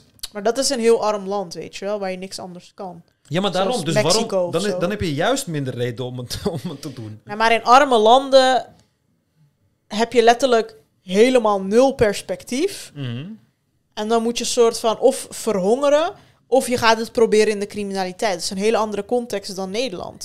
In Nederland kan je als Marokkaan gewoon een baan nemen of normaal doen. Of je gaat de mokromafia joinen. Ja. Dus ik denk dat het hier wel gaat werken. Nee, het kan onmogelijk werken. Want le- letterlijk alle studies laten zien. Er, er zijn... eh, Wacht, ik kan, ik kan wel eentje kan zoeken. toch een nieuwe studie komen? Measuring public perceptions. Even kijken. Hier. Effective, the effects of prison sentences, sentences on recidivism. Eh, result. Eh, hier, 23 studies, 222 s- effect sizes. Ik heb zoveel reacties gehad privé op die aflevering van ons dat jij ging ranten over dat harder straffen niet werkt. Van heel veel rechtenstudenten had ik toen berichten gekregen met ja, ik weet dat de studies dat zeggen, maar gevoelsmatig denk ik toch dat het niet eh, zo is. Ja, maar dan, wat zeg je dan? wat zeg je dan? Wat die claim, die claim moet je even op papier zetten. Wat zeg je dan? Het is eh, zeg maar zo van... Ja, maar ik, vind het ook moeilijk voor te Het stellen. is een soort van, ja, ik weet dat de maan eigenlijk heel groot is, maar gevoelsmatig voelt die toch klein in de lucht. Dat is wat je eigenlijk zegt dan. Ik krijg steeds je? steken. Oh, door die Fanta misschien. Oké, ja, ik weet het ook niet. Ja, dus ehm, eh, incarceration versus community comparison. Data show the 7% increase in recidivism. Ehm, dus in dit geval, in deze studie bijvoorbeeld. Maar ja, oké, die rechtenstudenten hebben ook gezegd van dit staat in de studies. Het staat inderdaad in de studies. Dus het enige wat je kan doen is ervoor kiezen. Dus of is er een complot waarbij... Misschien zijn er criminelen in de wetenschappelijke wereld die dan proberen om die studies te fixen zodat ze minder straf krijgen en zo. Maar misschien zijn die studies ook gewoon waar. En zijn wij gewoon aapjes die straf willen en willen van ja, jij moet meer gestraft worden. Maar dat, dat er niet van voor gaat zorgen dat ze dan minder snel eh, in de criminaliteit gaan. Want over het algemeen, als je ondersteunend omgaat met eh, dat soort gevallen, dan eh, daalt de reci- recidivisme. Dus ja. Uiteindelijk, kijk, van mij, het is ook, ik zei dat toen ook, hè, van mij, bij mij ook gevoelsmatig. Jongen, ik zou mensen al afknallen als ze in chemtrails of zo geloven, weet je. Als je geen vaccin wilt nemen, zou ik je al, al afknallen. Als het aan mij lag, weet je, tuurlijk. Ik geef iedereen gelijk, gevoelsmatig gezien. Maar als ik vanuit feiten en de wetenschap en weet ik van wat moet praten, dan helpt het gewoon niet. Dan helpt het. Het voelt waarschijnlijk fijn. Ik denk ook als het fijn voelt als we gewoon zo'n jaarlijkse dag hebben dat we verkrachters in elkaar gaan slaan of zo. Weet je, dat we alle verkrachters die gearresteerd zijn gewoon in zo'n speelplaats zitten en dat we ze dan met knuppels zo aangaan. Zou ook fijn voelen. Zou echt chill voelen. Maar of het ervoor gaat zorgen dat mensen minder gaan verkrachten en zo, denk het niet. Want over het algemeen, als mensen een strafbaar feit begaan, dan denken ze niet van... hey, wat is de straf hiervoor en zal ik het dan doen? Nee, want wanneer je een strafbaar feit begaat, ga jij ervan uit dat je niet gepakt gaat worden. Dus het is helemaal niet belangrijk wat de straf is. Ik Ja. denk niet als ik 200 rij op de snelweg van, oh, ik kan mijn rijbewijs kwijtraken. Nee, ik denk gewoon, ik ga niet gepakt worden. Ik rij Ja. nooit 200 op Ik heb niet eens een rijbewijs. maar oké. Ik denk dat dat eh, wel waar kan zijn. Jullie hadden het over dat als je VPN doet in Polen, dat de vliegticketprijs goedkoper is in de groep. Ja, als je een VPN in een ander land doet. Sowieso als je een vliegticket gaat kopen. Dus kijk, dit is de trucjes die ze ge- gebruiken. Dus Skyscanner, die ziet van... hey, vandaag heb je echt gezocht naar tickets eh, voor Noorwegen. En dan laat die zien. 124 euro, tickets voor Noorwegen. En dan twee dagen later ga je weer kijken. Dan weet Skyscanner dat je twee dagen geleden keek. En dan gaat die prijs ietsje Maar omhoog soms is het ook goedkoper. Hoe verklaar je Mhm. dat? Ja, ja, soms kan het een, jou een goedkopere prijs geven. Als er een goedkopere... Want er is zeg maar de bodemprijs. En dan probeert het daarop winst te pakken. Maar het moet ook concurreren met andere platformen. Dus het wil niet te dure prijzen geven. Omdat je dan gewoon naar een andere platform gaat waar het goedkoper is. Dus het zal daarin sowieso verschillen. Maar hoe vaker jij op die website gaat... des te meer eh, het kan schommelen in, die, in, die, eh, in, in de resultaten. Dus het eerste wat je wil doen is sowieso een incognito venster. Dus bij, als je Chrome gebruikt, kun je dat gewoon doen. Of een private window, ik weet niet hoe het heet in andere browsers. Dan, zijn, dan browse je zonder cookies. Dan weet de website niet dat jij er eerder op hebt gezeten. En je kan gewoon een VPN in een ander land doen. Eh, dan betaal je gewoon veel minder. Sowieso, als je gewoon een VPN uit een ontwikkelingsland gebruikt, dan betaal je veel minder voor de meeste dingen op het internet. Want het zijn gewoon dynamische prijzen. Ze gaan aan eh, Turken niet dezelfde prijzen voorschotelen als Nederlanders bijvoorbeeld. Dus als jij vanuit Nederland een ticket zou boeken van Istanbul naar Antalya bijvoorbeeld, dan betaal je daar waarschijnlijk 100, 200 euro voor. Terwijl als je dat in Turkije zou doen, dan betaal je er omgerekend waarsch- waarschijnlijk 20 euro voor of zo, zoiets. Ja. Dus dat soort dingen. ja, dat is wel bizar. Dus als je goedkoop op vakantie wil, moet je een VPN. En dan in Ja. Polen. Ja, gewoon een. Je kan India doen, je kan Turkije doen, waar je wilt. Nee, zelfs India wel goed, want eh, die, meestal doet hij het ook automatisch in het Engels. Maar is het dan veel goed? Dus als ik bijvoorbeeld VPN India heb en ik wil van hier naar Tenerife. Wat, wat kost dat dan? Ja, soms. Het is- het is heel, het is- het is heel verschillend. Want het, kan, het heeft er echt mee te maken met welke prijs ze jou op dat moment voorschotelen. Het kan ook zijn dat jij op dat moment de goedkoopste prijs gewoon hebt en dat het gewoon niet goedkoper kan. Ja. Maar soms eh, zie je gewoon dat de prijs opeens hoog, hoger is geworden of whatever. En dan kun je door zulke VPN's te gebruiken en zo kun je gewoon daar eh, eh, verandering in brengen. Oké. Eh, een ander iets. Ik had nog een podcast geluisterd. En blijkbaar is het grootste gedeelte van de huizenmarktcrisis niet door nou, statushouders of immigranten. Of, maar de, het grootste gedeelte is door single huishoudens. Want heel veel mensen die wo- Wonen willen alleen. tegenwoordig alleen wonen Ja. in Nederland. Want we hebben nou eenmaal een individualistische cultuur waarbij je natuurlijk sneller uit elkaar gaat of gaat scheiden en zo. En niet meer om financiële redenen of whatever bij elkaar blijft. Zoals het in landen als Turkije of Spanje of ik veel wat gaat. Dus dat drukt ook heel erg op de huizenmarkt. En in die podcast vroegen ze zich heel erg af van... Ja, maar als we zeg maar zo door... Zeg maar als die boomers en zo allemaal dood zijn... en we hebben allemaal zo'n cultuurtje van... Het gaat aan en uit en weet je wel, gescheiden gezinnen, dit, dat. Dan heb, gaat, ga je alleen maar nog meer huizen nodig hebben. Want voor, elk, blijkbaar, voor elke Nederlander bij wijze van heb je een huis nodig. Heb je een appartementje nodig. Ja, maar het is wel zo dat, dat ze wel meer kleinere huizen maken, zeg maar. Ja, Dus dat iedereen in een soort studio. Ja, want je hebt veel van die single woningen, weet je. Dat is dan gewoon niet echt een studio, maar dan heb je gewoon één slaapkamer. That's Ja. it. En dan eh, heb je gewoon de keuken ook in de woonkamer. En eh, dit dat is gewoon het huis wat wij hebben in principe. Ja, dat kan je natuurlijk bijbouwen, maar er wordt amper meer bij gebouwd. En Ja. je hebt al heel veel bestaande bouw. En die bestaande bouw is allemaal ingericht op gezin, kinderen, bla bla. Ja. Ik vind sowieso dat je niet in je eentje mag wonen in een groot huis. Waarom? Wat moet je anders? Ten tijde van een woningscrisis vind ik gewoon dat het... eh, moet je een soort van huisgenoten je nemen. groot, een groot... Nee, maar dat, dat je wanneer je gaat voor een groot huis, zeg maar... Tuurlijk, als je er nu in woont, ga je er niet eruit kicken of zo. Maar als je gaat voor een groot huis, dat gewoon moet bepaald worden... dat je zo'n soort van grens hebt van eh, zoveel vierkante meter... Moet, dan eh, mag het geen single person eh, household zijn, zeg maar. Als je het wel kan betalen, wel toch? Nee, maar waarom? Waarom wel als je het kan betalen? Nou ja, anders wordt het gewoon... Hè, wat is dat voor onvrije maatregel? Ja, waarom? Chicommunisme. Nee, waarom? Er zijn zoveel regels dat eh, huizen aan bepaalde dingen moeten voldoen bij Zo'n Waarom als jij bijvoorbeeld, weet ik veel, een of andere topadvocaat bent of zo en je wilt, eh, je wilt gewoon vijf kamers Ja, voor, voor wat heb je al die ruimte nodig? Voor wat? Wat ga je doen? Wat ga je doen? Wat wil je doen als je weer zoveel hobby's hebt? Je hebt eh, werkkamer, bad, zwembad, weet ik veel. Je Ja. doet maar gewoon wat je wilt, toch? Nou, Gastkamer, logeerkamer.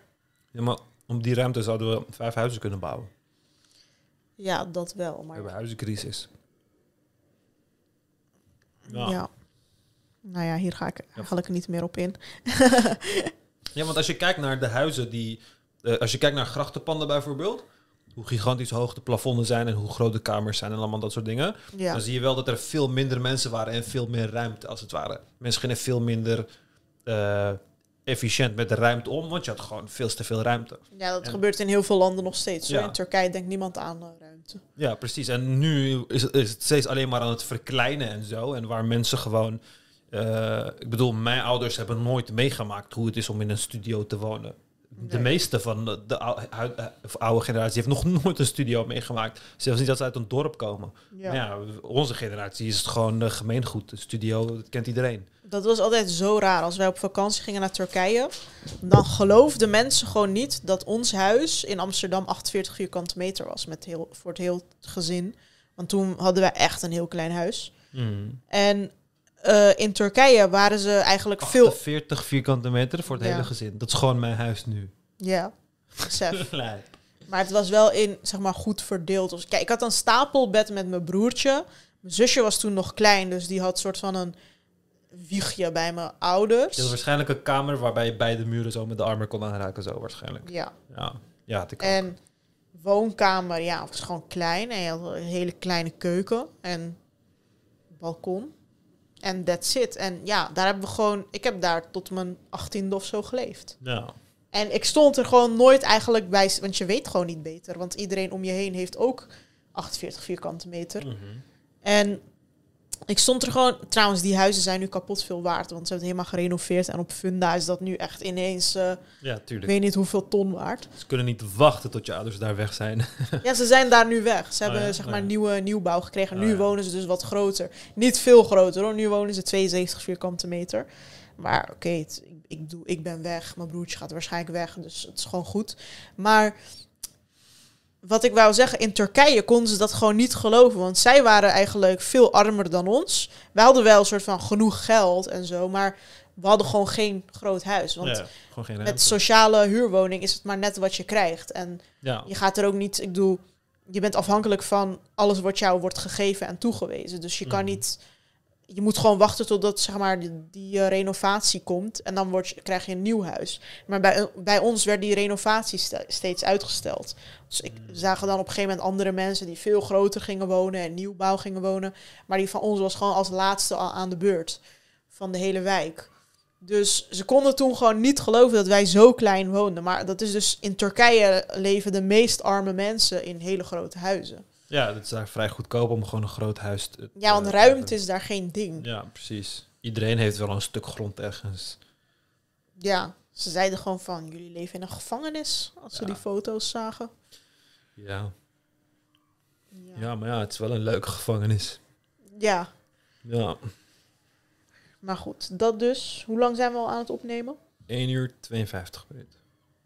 Oké, ik denk dat ik ga afronden. Ja. Dankjewel voor het luisteren. Geef de video een like, laat een comment achter en tot de volgende keer. Tot de volgende keer.